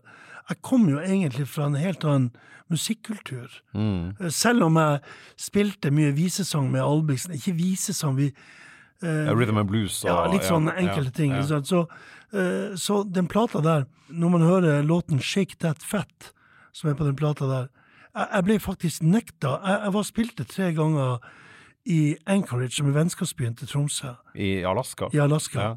eh, og har en drøm, og det var helt rabalder, for alle alle kjerringene i Anchorage var jo forelska i Jørn Hoel et øyeblikk. Og det var voldsomt eh, suksess, ikke sant. Og så skal jeg komme da tilbake tredje gangen, og da hadde jeg gitt ut den plata. Og da er det det de får seg og da, når de fikk plata da, så sa jeg Uh, I don't think we need him this time. For at det var altfor Ja, Det var liksom, hun, hun dama ringte meg, jeg husker ikke hva hun heter, men hun ringte meg, hun snakket sånn dårlig norsk. Og hun mente sånn uh, Did you really sing Shake That Fat, Jørn? Og uh, litt sånn ramsa opp ting fra tekstene. Ja, uh, yeah. Eh, vi- har jo litt sånn avstand til rampete amerikanske tekster. absolutt. Sant? Mm. Men, men Og det, det, hun mente det virkelig. Jeg bare Takk for i går, du trenger ikke å komme. Men, men jeg vet en kompis av meg, Øyvind Myhrvold, som var manager for Backstreet Boys. Girls. Girls. Ja. Sorry. sorry. Vesentlig forskjell. Ja, veldig. Han spilte plata, for det var han som foreslo produsenten for meg, Mikael Ilbert, svensk produsent. Han spilte for resten av gutta i uh, Petter og de andre. Girls, ja. ja. Spilte han uh, albumet 'Hvem tror dere dette?' Så spilte han 'Shake That Fat' og de tingene der. Og de gjetta på mye rart.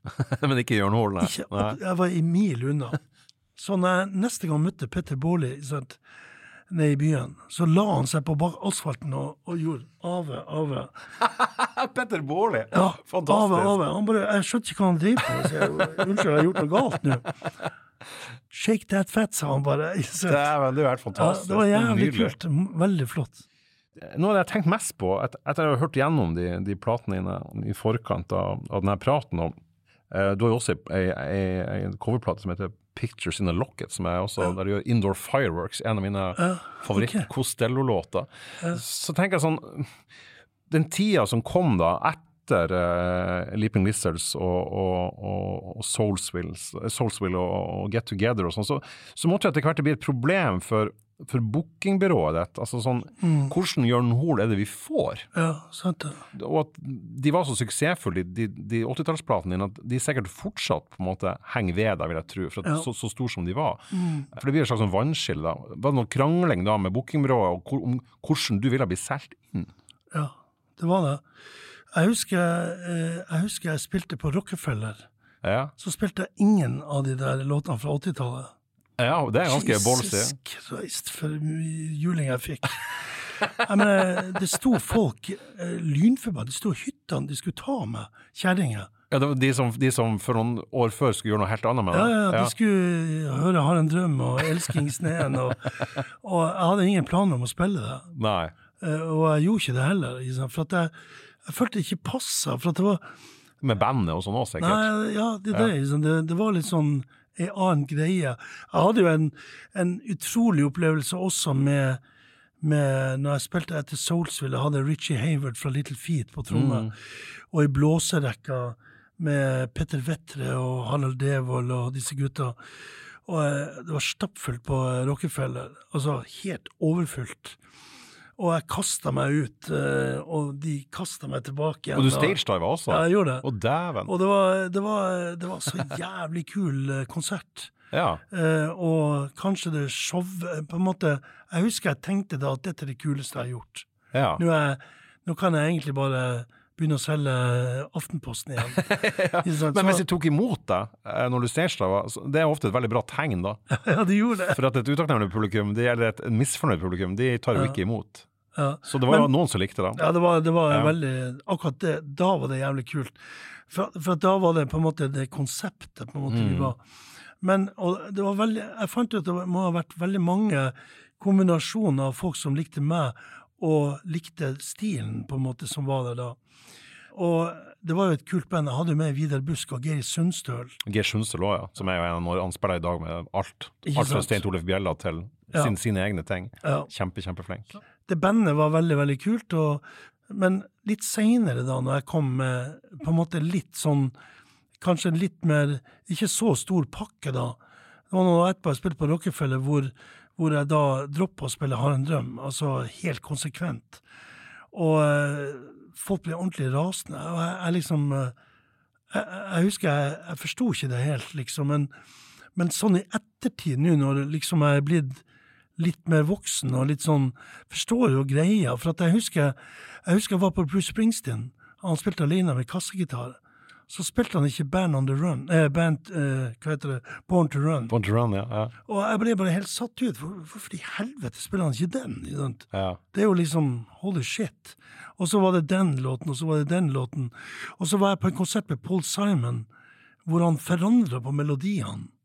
Ja, det er jo jævlig irriterende. Fuck me, så irriterende. Ja, ja, ja. Jeg har også gjort det i tusen år, bare spilt uh, låtene litt andre toneart og sånne ting, og gjort det mer convenient for meg, for at det var en kassegitar jeg spilte på. Men, men uh, faen, man skal ikke kødde med akkurat de tingene. Det er, det er en tricky sak, det der. Jeg leste intervju med, med Lemmy i Motörhead. Han uh, ble spurt om, eh, om, om hvorfor han alltid spilte Ace of Space, men ikke han ble jævlig lei av det. Og så sier han at um, han var ikke jævlig lei av det som hele livet og betalt regningene dine. Det. så for han så var det en slags payback til de folkene som hadde kjøpt den, og at, at, den, den spiller vi. Ja. Jeg har det litt på samme måte med Har en drøm, fordi at jeg har veldig respekt for låten. For folk spør meg veldig ofte er du ikke dritlei av den låten. Jeg innrømmer det at på 80-tallet, på slutten av 80-tallet og inn mot 90 der, så var jeg jævlig lei av den låten, for jeg sunget så sinnssykt mye. Men så fant jeg plutselig kjærlighet til den låten igjen. Det høres så teit ut å si det, men Nei, det er antiteit, det. Nei, for at, for at jeg, jeg liksom eh, Hvis man spiller låten så er den mye vanskeligere å spille og fremføre enn folk aner. Og det har jeg oppdaga gjennom veldig mange år, hvor musikere kan Ja, den er jo grei. Så begynner du å spille, og så plutselig er det mye vanskeligere låt. Er den vrien? Jeg ville òg trodd Ja. den var lett. Det høres så lett ut. Ja. Det er et av magien fra Gundersen Hoff i det, Ja. det, det svake øyeblikket, eller det magiske øyeblikket da de lagde låten. Det, den, den er en komplisert låt å spille, fordi at eh, han er så enkel på mange måter, men så har han masse linjer i seg som gjør at han er Den er ikke enkel, altså. Men hvordan, hvordan er det når du sier at du har gjenfunnet kjærligheten til en sånn låt? Jeg syns, det var alt annet enn teit eh, sagt. Hvis du da står på scenen og du spiller eh, en av de mest sånn folkekjære sangene du har, da, og du får en sånn respons, hender det at du sjøl får nesten sånn gåsehud av av deg sjøl? Det er et rart spørsmål, men jeg, tror du skjønner hva jeg mener. Det er ikke ment spydig i det hele tatt. At, du, at, du, at du får liksom chills av, av, av, av å høre, eller å være i rommet der du er den som fremfører det. Ja, jeg, gjør det faktisk noen ganger. Det var eh, Jeg spilte for noen få dager siden en sånn der um, hjemme... En sånn stuekonsert hos en fyr jeg kjenner som bor på Sande i Vestfold. Og så var det 35 mennesker i stua hans. Og så eh, forteller jeg gjerne mye historie. Jeg fortalte om første dame jeg var forelska i, og jeg drakk meg dritings. Altså bla, bla, bla, alle de tingene, dumme tingene man gjør. Og så skulle jeg fortelle om Inkololeko, hvor eh, For at dattera mi hadde plutselig oppdaga Inkololeko hun ble så imponert. Det er Grand, Grand Prix-låten din. ja, ja. at jeg hadde sunget den. Og så fant jeg jeg skulle spille den, så syntes jeg det var så jævlig vanskelig å spille den så høyt. For det går jo jævlig høyt. Går jævlig høyt, Ja. og så du sitter i et intimt rom, så blir det sånn teit når du begynner liksom å Ja. Jeg sitter liksom og kniper. Så tok jeg tuna ned en og en halv tone, så at jeg spilte den med åpen D-tuning, som er litt sånn jævlig kult på en kassegitar. Og så ble det så jævlig tøft ja. at eh, jeg merka liksom at jeg fikk litt sånn holy fuck, dette var faktisk jævlig kult. Og så merka jeg at folkene fikk akkurat samme feelingen. ja, Så de ble helt sånn satt ut over eh, Og fikk den jævlig gode responsen. Og, da, da, og de begynte å synge med. Jeg merka at de kunne ikke helt teksten, men de prøvde liksom. Etter. Og da fikk jeg litt den der feelingen at eh, shit, her her klarte jeg å formidle noe som gjorde at det ble sterkt for alle samtidig. ikke sant? Det å bli lei av noe er jo ikke det samme som at, at kvaliteten ikke er der. Da. Altså det er sånn at sant, man, Kanskje trenger man noen, noen, års avstand til Ja. for å på en måte gjenoppdage den, den gamle kjærligheten. Men, men med Har en drøm så er det litt sånn at det, det har vært så jævlig mange men, det har vært så jævlig mange mennesker som har hatt det dritkjipt. Altså folk som nærmest bor på gata, osv., osv., som har av en eller annen grunn fått en slags kobling til den sangen. Så jeg møter masse eh, de folkene som kommer bort til meg og takker meg for låten, og det gir meg liksom helt sånn eh, Da blir jeg helt satt ut. Han Aleksandersen sa også det at eh, da han skjønte etter hvert at lys og varme ble spilt i begravelsene og sånt til, til kjære av, altså til folk som, som, som satt den så høyt, så, så ble det etter hvert bare vanskeligere og vanskeligere å ta den ut. Litt sånn veldig beslekta fenomen, tenker jeg. det. Ja. Nettopp for at det betyr så mye for, for noen. Du har jo jobba med, med utrolig mye forskjellige folk. Eh, veldig mange av de, av de har du jo nevnt også som, som, som er Mange av de er jo mange av de aller, aller flinkeste i, i, i norsk musikkbransje. Både på, både på uh, plateselskapssida, men ikke minst på, på musikersida. Noe av det jeg er mest sånn fascinert av oppi det her, det, det, og det føler jeg er litt sånn underkjent, det er det, er det at du har jobba med Og det er jævlig imponerende sin liste, bare sånn at ikke det høres ut som jeg ikke syns det, for det er det. Men, men du jobba jo med Harald Heide Steen jr., Ja. som for meg er liksom et av de største geniene Norge har hatt. Eh, og en mann som, som hadde veldig mange talenter. Men kan, kan du fortelle litt om det? Hvordan var det? Det var eh, Fra 7-78 så lagde jeg en del sånn eh, rikskonsertturneer med barneteater. Altså, jeg, jeg var veldig opptatt Jeg og Albrigtsen gikk jo på, på Tromsø teaterlag. Og vi var veldig, hadde lyst til å spille teater. Vi var ekstremt barnslige og lekte mye ute i, i Tromsdalen og lekte at vi var figurer og bla, bla, bla. Og når jeg begynte å lage låter, så begynte jeg å lage liksom barnefortellinger. Så når vi fikk tilbud å reise på Rikskonsertene, så putta jeg det inn i programmet. Vi hadde et stykke da som heter Nøkkeldilla Sørensen. Den er omtalt som en musical. Ja, Ja. ja. Halv sju hadde et sånt program hvor unger skulle få sende inn Halv sju var et TV-program. Det mell mellom Barne-TV og Dagsrevyen. Ja, rett og slett. Sånn, ja, det var sånn ungdoms... Uh, Ja. Og så, og så skulle ungene få sende inn eh, dikt de hadde skrevet, og så skulle kanskje noen sette musikk til det. Og det var en gutt her i Tromsø da, som hadde laga en tekst som heter Nøkkeldilla Sørensen. Og Jeg syntes det var en jævlig morsom greie. Så jeg, jeg lagde en melodi til det, og så, og så gikk jeg og tenkte på det her er jo dritbra. Så syntes jeg det var veldig artig å fortelle eventyr til dattera mi, som var veldig, veldig liten da. Og jeg fortalte om han der Nøkkeldilla Sørensen, så lagde jeg et helt stykke med det, som vi spilte faktisk i et helt år på alle barneskolene. Jeg og Per Furøy, Arvid Esperød, Steinar Albrigtsen. Og så etter hvert så flytta jo jeg til Oslo. Turnerte altså seg hele landet rundt med det her. Nei, det, det var bare på alle skolene fra Trøndelag og nordover. Oh, ja, ja, ok. ja.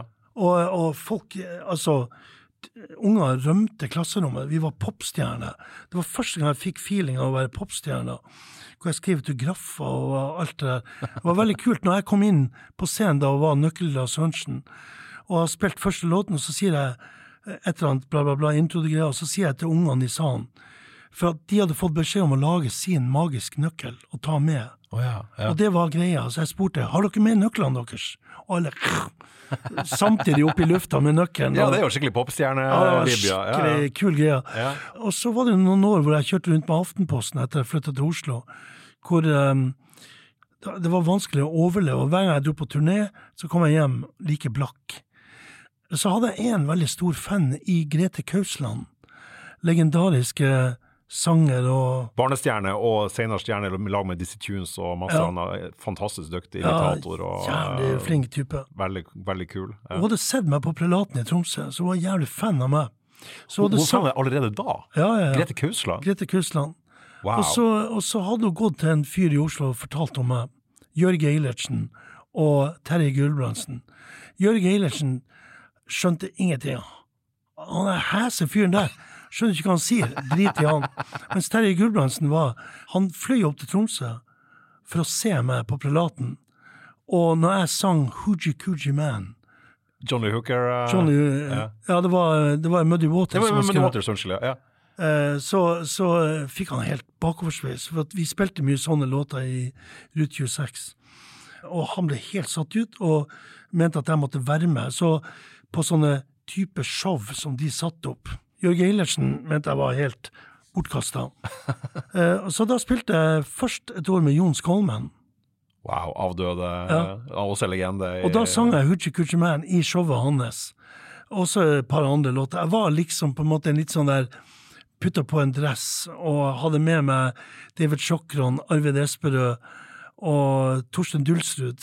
Så gikk du inn i en slags character, da? Ja, på en Ja. måte. Jeg var en sånn eh, eh, type på scenen da, hvor Jon var jo da hovedrollefar.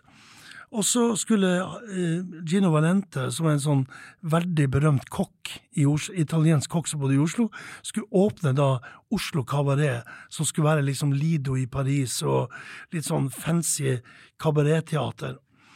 Eh, og Terje Gulbrandsen var da involvert i det, og, Harald Hellesteen skulle være hovedekten da.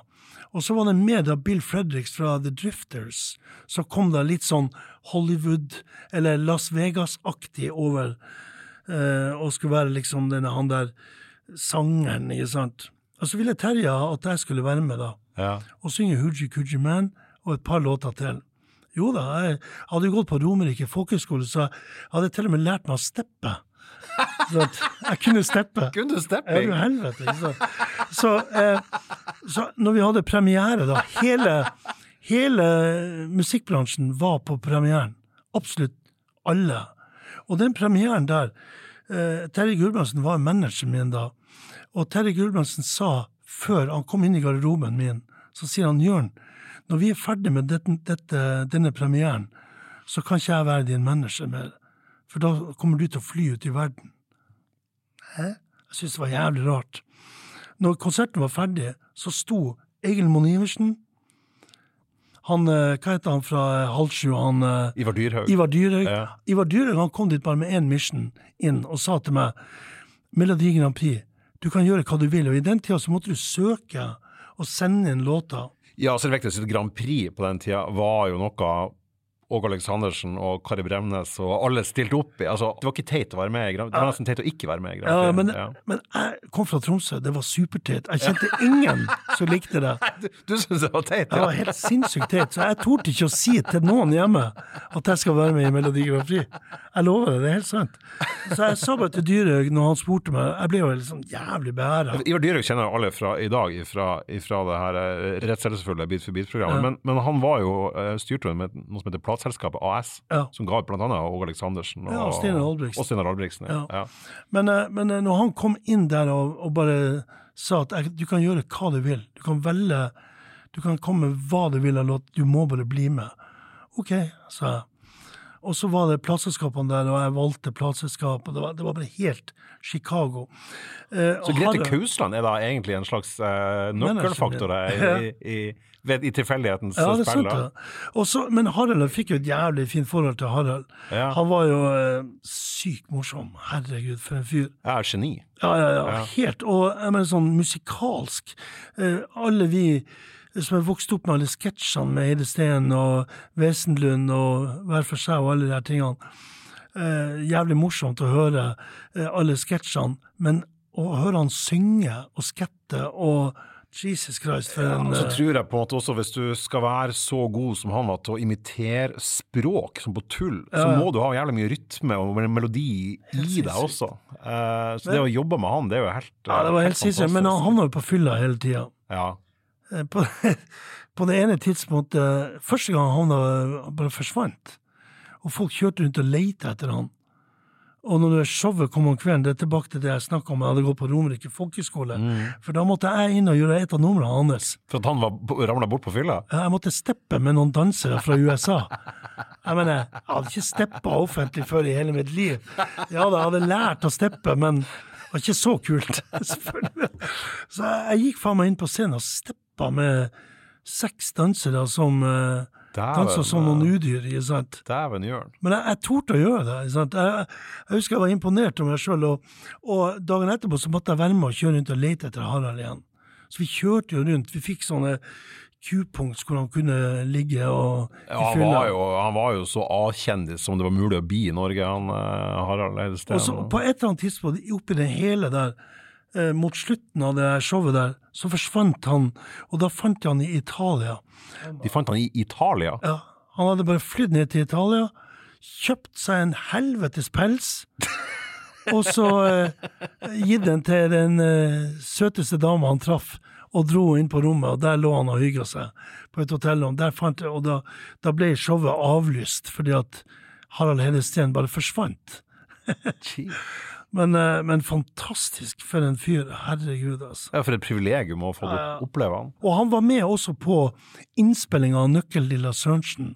Jeg spilte inn ei plate med Øyvind Blunk, Harald Heine Steen jr., Dag Vågsås og dattera til Grete Kausland, som aldri har spilt inn noe verken før eller siden. Er det noe du angrer på, sånn at du tenker at det der skulle jeg ikke gjort? Grunnen til at jeg spør om det, er for at øh, folk er veldig forskjellige, men det, det ser ut som du ikke har vært så du har ikke vært så vanskelig å få til å by på seg sjøl. Eh, og da, jo, jo flere ganger man sier ja, jo flere ganger gjør man kanskje feil. Er det noe du angrer på? Ja, Sikkert mange ting eh, som, som man kunne ha gjort annerledes, helt klart. Men jeg må si sånn musikalsk sett så angrer jeg jo veldig for at jeg fikk tilbud om å jobbe med Diane Warren, som var en av verdens største låtskrivere. Eh, Hun ringte meg fra LA to ganger og skulle ha meg til å fly over dit. Og jeg bare tjata med henne og sa yeah, sure, I'm, I'll be there. Vet du hvorfor du ikke, vet du hvorfor du ikke gjorde det? Jeg, jeg, har satt og tenkt veldig på det, for det er veldig rart. For jeg, jeg har alltid vært sånn, egentlig ganske sånn trygg på meg sjøl, føler jeg, og tort å bevegd meg inn, men akkurat i det øyeblikket da, så tror jeg jeg følte øyeblikket for stort. Ja, for, altså, hun har jo skrevet låter for type sånn Aerosmith og, og Cher og Céline Dion. Ja. Altså sånn, vi snakka de aller største. Så kunne, du kunne liksom breaka deg internasjonalt, sånn teoretisk, da, i hvert Ja, ikke sant? Det var veldig eh, jeg si, en merkelig at, Og det var med og Birgit òg. Det var sånn jeg traff henne Birgit, som jeg nevnte. At vi skulle skrive låter. Jeg møtte ei anna eh, kona til Bruce Hornsby, som Michael Bolton jobba for. Når jeg hørte at Michael Bolton hadde jobba der, da jeg på en måte snudd i døra og tenkte ok, akkurat dit går jeg jo ikke, da. Liksom, for det, det liksom blir liksom too much. Jeg møtte Irene Cara inne på, Ja, ja, ja. eh, på venterommet. Ja, ja, ja. faen. Jeg fikk faktisk tilbud om å Jeg var aktuell for å spille Frans av Assisi i filmen til Martin Scorsese skulle lage Hæ? Etter han lagde filmen om Jesus, så skulle han lage musical om Frans av Assisi. Og Men hvor i faen kommer Jørn Hoel inn i hodet til Scorsese? Nei, det var en av som i Italia, som, fra plateselskapet, som hadde pitcha meg. Så vi fløy til Milano, meg og Jørn Johnsen i Holy Polygram. Og jeg møtte Zucchero, ble kjent med Sokero. Ja, som hadde Sensor Madonna. Selv Donna, ja. og, det ble liksom antyda at vi skulle gjøre noe sammen. Ikke sant? Men jeg, det var også igjen sånn der "Nja, Ikke så farlig. Jeg syns alle folkene var så rare uansett. Sokero, når han kom til Norge og var Jeg tror han var warm-up for enten Eric Clapton eller Elton John. Sikkert Elton John. Eh, og eh, hadde et multinarkotikaproblem. Oh, ja, Hvorpå, ja, eh, de fikk han ikke ut av hotellrommet, og, og da var det ringte plateselskapet, så da var jeg pusher. De måtte ha uppers and downers for å få eh, artisten på scenen. Jeg, kjenner jo folk, så jeg kan jo ta noen telefoner. Så jeg tok noen telefoner og var faktisk og leverte på døra. Fikk ordna medisin til jeg ordna medisin til. Så, men jeg, men jeg, jeg har vært litt sånn eh, Herregud. Jeg har vært litt sånn eh, Jeg angrer egentlig Altså, Diane Warren var litt sånn Kunne vært interessant å oppleve. Jeg fikk Kunne til vært oss å prøvd, i hvert fall. Absolutt. Ja. Eh, man vet jo aldri. Jeg dro faktisk Fikk også til med en gang Det er kanskje derfor det, når jeg tenker på om Jeg fikk til med å synge med Bonnie Tyler. Å, Å, herregud, det har blitt en uh, sp spesiell duett. Ja. Veldig mye hes. Det er eh, veldig her sang. uh, Men det som skjedde, var det at jeg, jeg, jeg sa ja til det. Det var på, ti, på sånn slutten av 80-tallet, rundt den har en drømtida.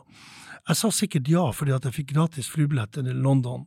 ja. Og kunne vrelte meg på et hotellrom i noen dager. Men hun dukka aldri opp, så det var like så greit. Du har jo et navn som følge av det du har gjort musikalsk, som er høyst fortjent og, og, og lett å forstå.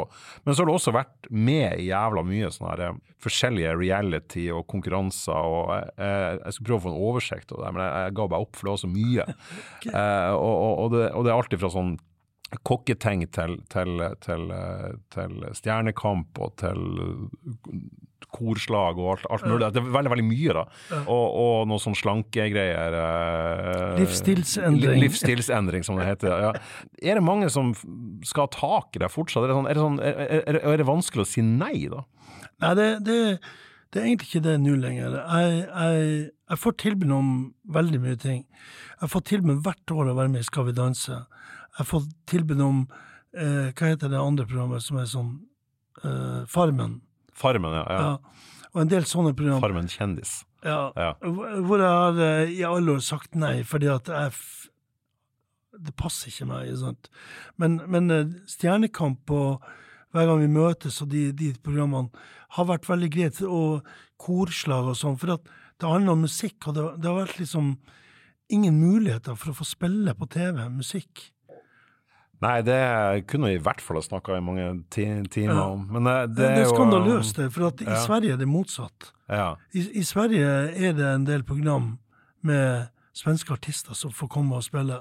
Hvis det da hadde vært et bedre tilgang på å få utfolde seg musikalsk på TV, så hadde du ikke trengt å stille opp i de der tingene heller. Nei, det er absolutt sant. Ja. Altså, de, de kokketingene er det eneste som er utover linja. Det der livsstilsprogrammet med 16 Weeks of Hell er litt sånn Jeg, ser litt på det på samme måten, bare fordi at Normalt ville jeg sagt nei til det, men det hadde å gjøre med at, at eh, jeg hadde, hjerte, jeg hadde hjerteinfarkt, jeg hadde en del sånne helseissues som gjorde at jeg måtte tenke litt annerledes, bla, bla, bla. Og akkurat da kommer de og spør meg om det, og så tenkte Passer jeg det at du passer å bli pusha litt inn i det? ja, jeg tenkte faen, kanskje, de, kanskje jeg lærer når du tar det. Lærte jo ikke en damn shit. Det var jo bare et helvete uansett. Det, det blir det der TV-formatet. Så, så eh, Men når det gjelder kokketingene, så er- ligger det ekstremt nært hjertet mitt. Fra Ja. helt tilbake til 80-tallet. Jeg vet jo det, Jørn. Du, her i byen så er du også, du er også uh, involvert, eller har vært involvert, tror fortsatt du er involvert, i, i, en, i en restaurant her også, og, og har, jo, har jo ofte snakka om eh, kjøkken, eller matprodukter, liksom, med liksom Lyngenlam og alle de her tingene. Ja. Eh, og du har faktisk ei kokebok ute i, i, disse dagene også, som, som Vi skal ikke snakke masse om kokebok, men tenk deg, det er en helt sånn perfekt avrunding her, er jo det aller siste som er i boka. Så jeg synes det er fint å kunne avslutte eh, av- å få en, en, en muntlig forklaring, eller en muntlig versjon da, av de, det som ender opp med en oppskrift av, på, på dressing til hamburger. Ja. som må være lengst mulig unna man kommer et sånn slanke... Ja. Men det var, det, det var en historie da fra, fra 1977, er det vel da? Ja. Kan du, husker du den? Eller? Ja, ja, det, det Jeg skulle kjøre på en eh, guttetur med en kompis som heter Jan Magne Allertsen. Vi skulle kjøre til Stockholm. Til Stockholm fra Tromsø, Fra Tromsø med den eh, rustne, kjipe bobla mi. som er en distanse på Langt. ja, Altfor langt. mange, mange tusen kilometer. Ja, ikke sant. Og så rett før vi skulle kjøre, vi skulle kjøre på kvelden, sant? så av en av grunnen, eh, som jeg ikke husker, men jeg tenkte før jeg kjørte, så kjørte jeg bort til bukta. Hans Jornesbukta. Ja, Hansundnesbukta, Ja. ikke sant. Der sto det et gatekjøkken. Et hvitt sånn eh, slags sånn, kunne ligne litt på ei campingvogn, men det var det eneste gatekjøkkenet i Tromsø. Jeg tenkte jeg skulle ha med én burger før jeg kjørte, så jeg kjørte bort dit. Så det var liksom burgeren med Ja. stor B i Ja, det var, det var selveste selveste burgeren. Ja. Ja. Og så står jeg der og liksom lener meg opp på taket på bobla og eter denne burgeren og bare tenker fy faen så godt dette var. Dette er faen meg livet, Jørn. Akkurat da jeg hører inne fra radioen inne på gatekjøkkenet at de sier at Elvis Presley var død. Og eh, jeg ble jo veldig satt ut, for at det, det, det var liksom begynnelsen til en del sånn eh, sånn, Jeg vokste opp med at jeg, husker Kennedy døde, eh, særlig Robert Kennedy. Ja. Og det, det var veldig sånn dramatisk, for alle voksne var veldig opptatt av det. Men dette var min mann, Ja. Elvis.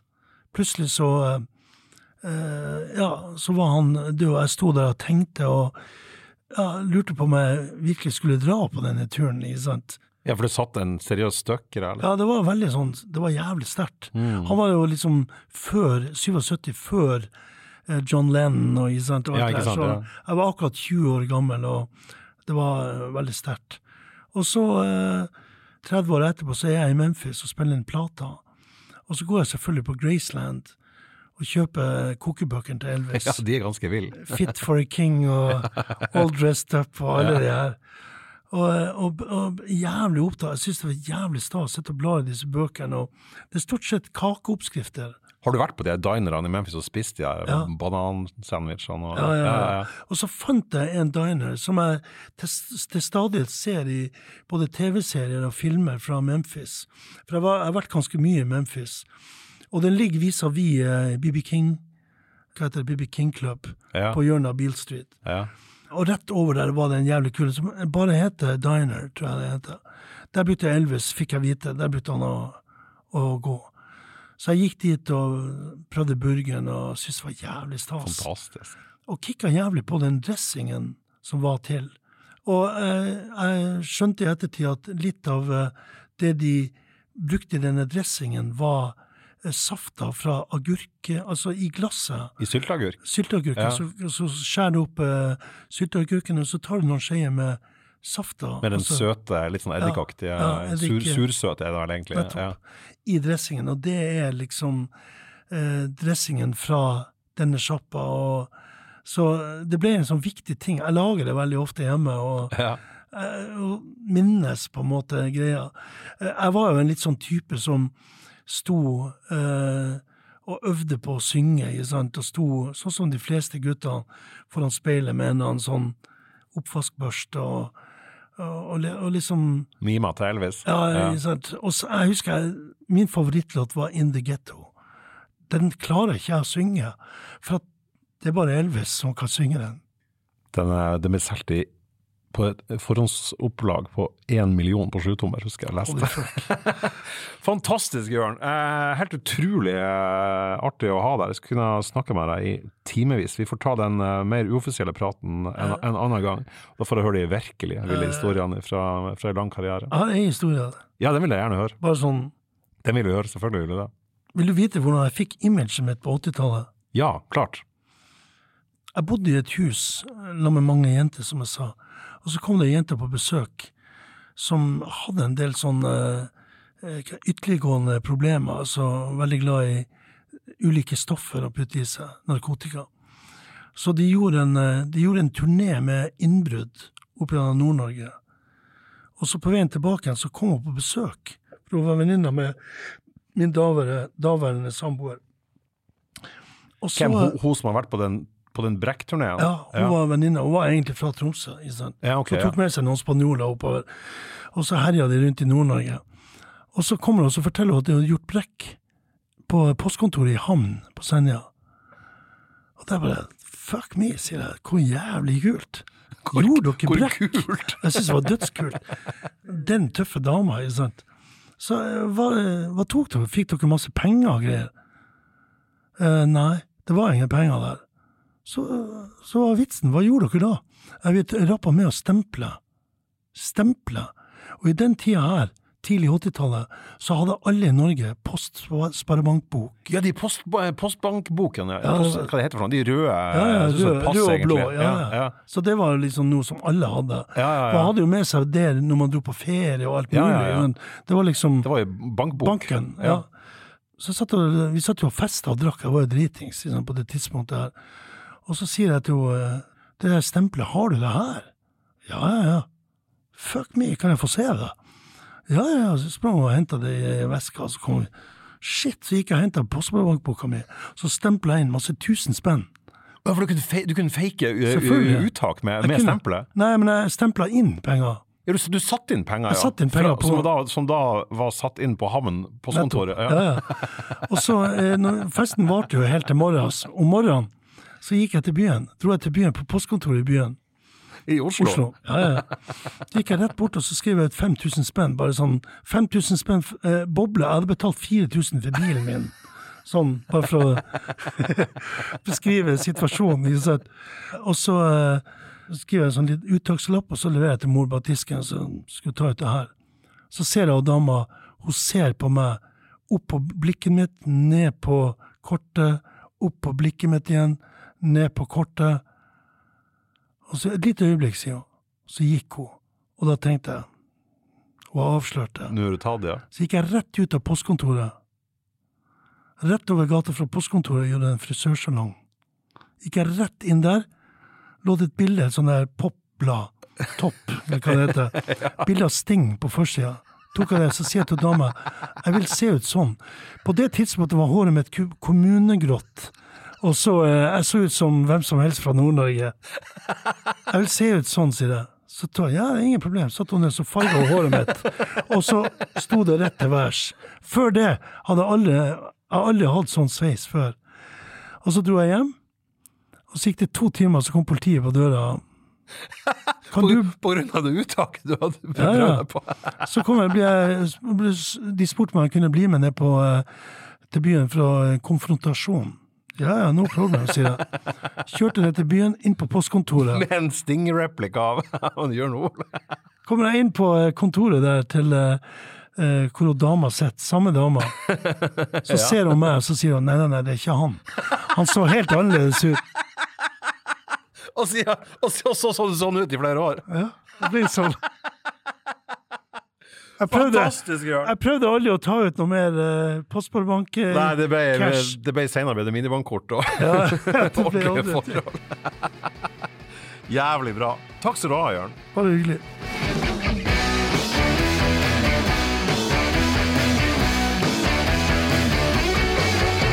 Feedback er en podkastserie fra avisa i Tromsø.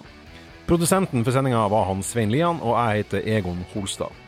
Husk også at vi lager spilleliste der all musikken som nevnes i sendingene legges til. Og de finner du på hjemmesiden til Tromsø i feedback-seksjonen, der du også finner anmeldelser av plate, anmeldelser av konserter, samt intervjuer, liste og masse annet aktuelt musikkstoff.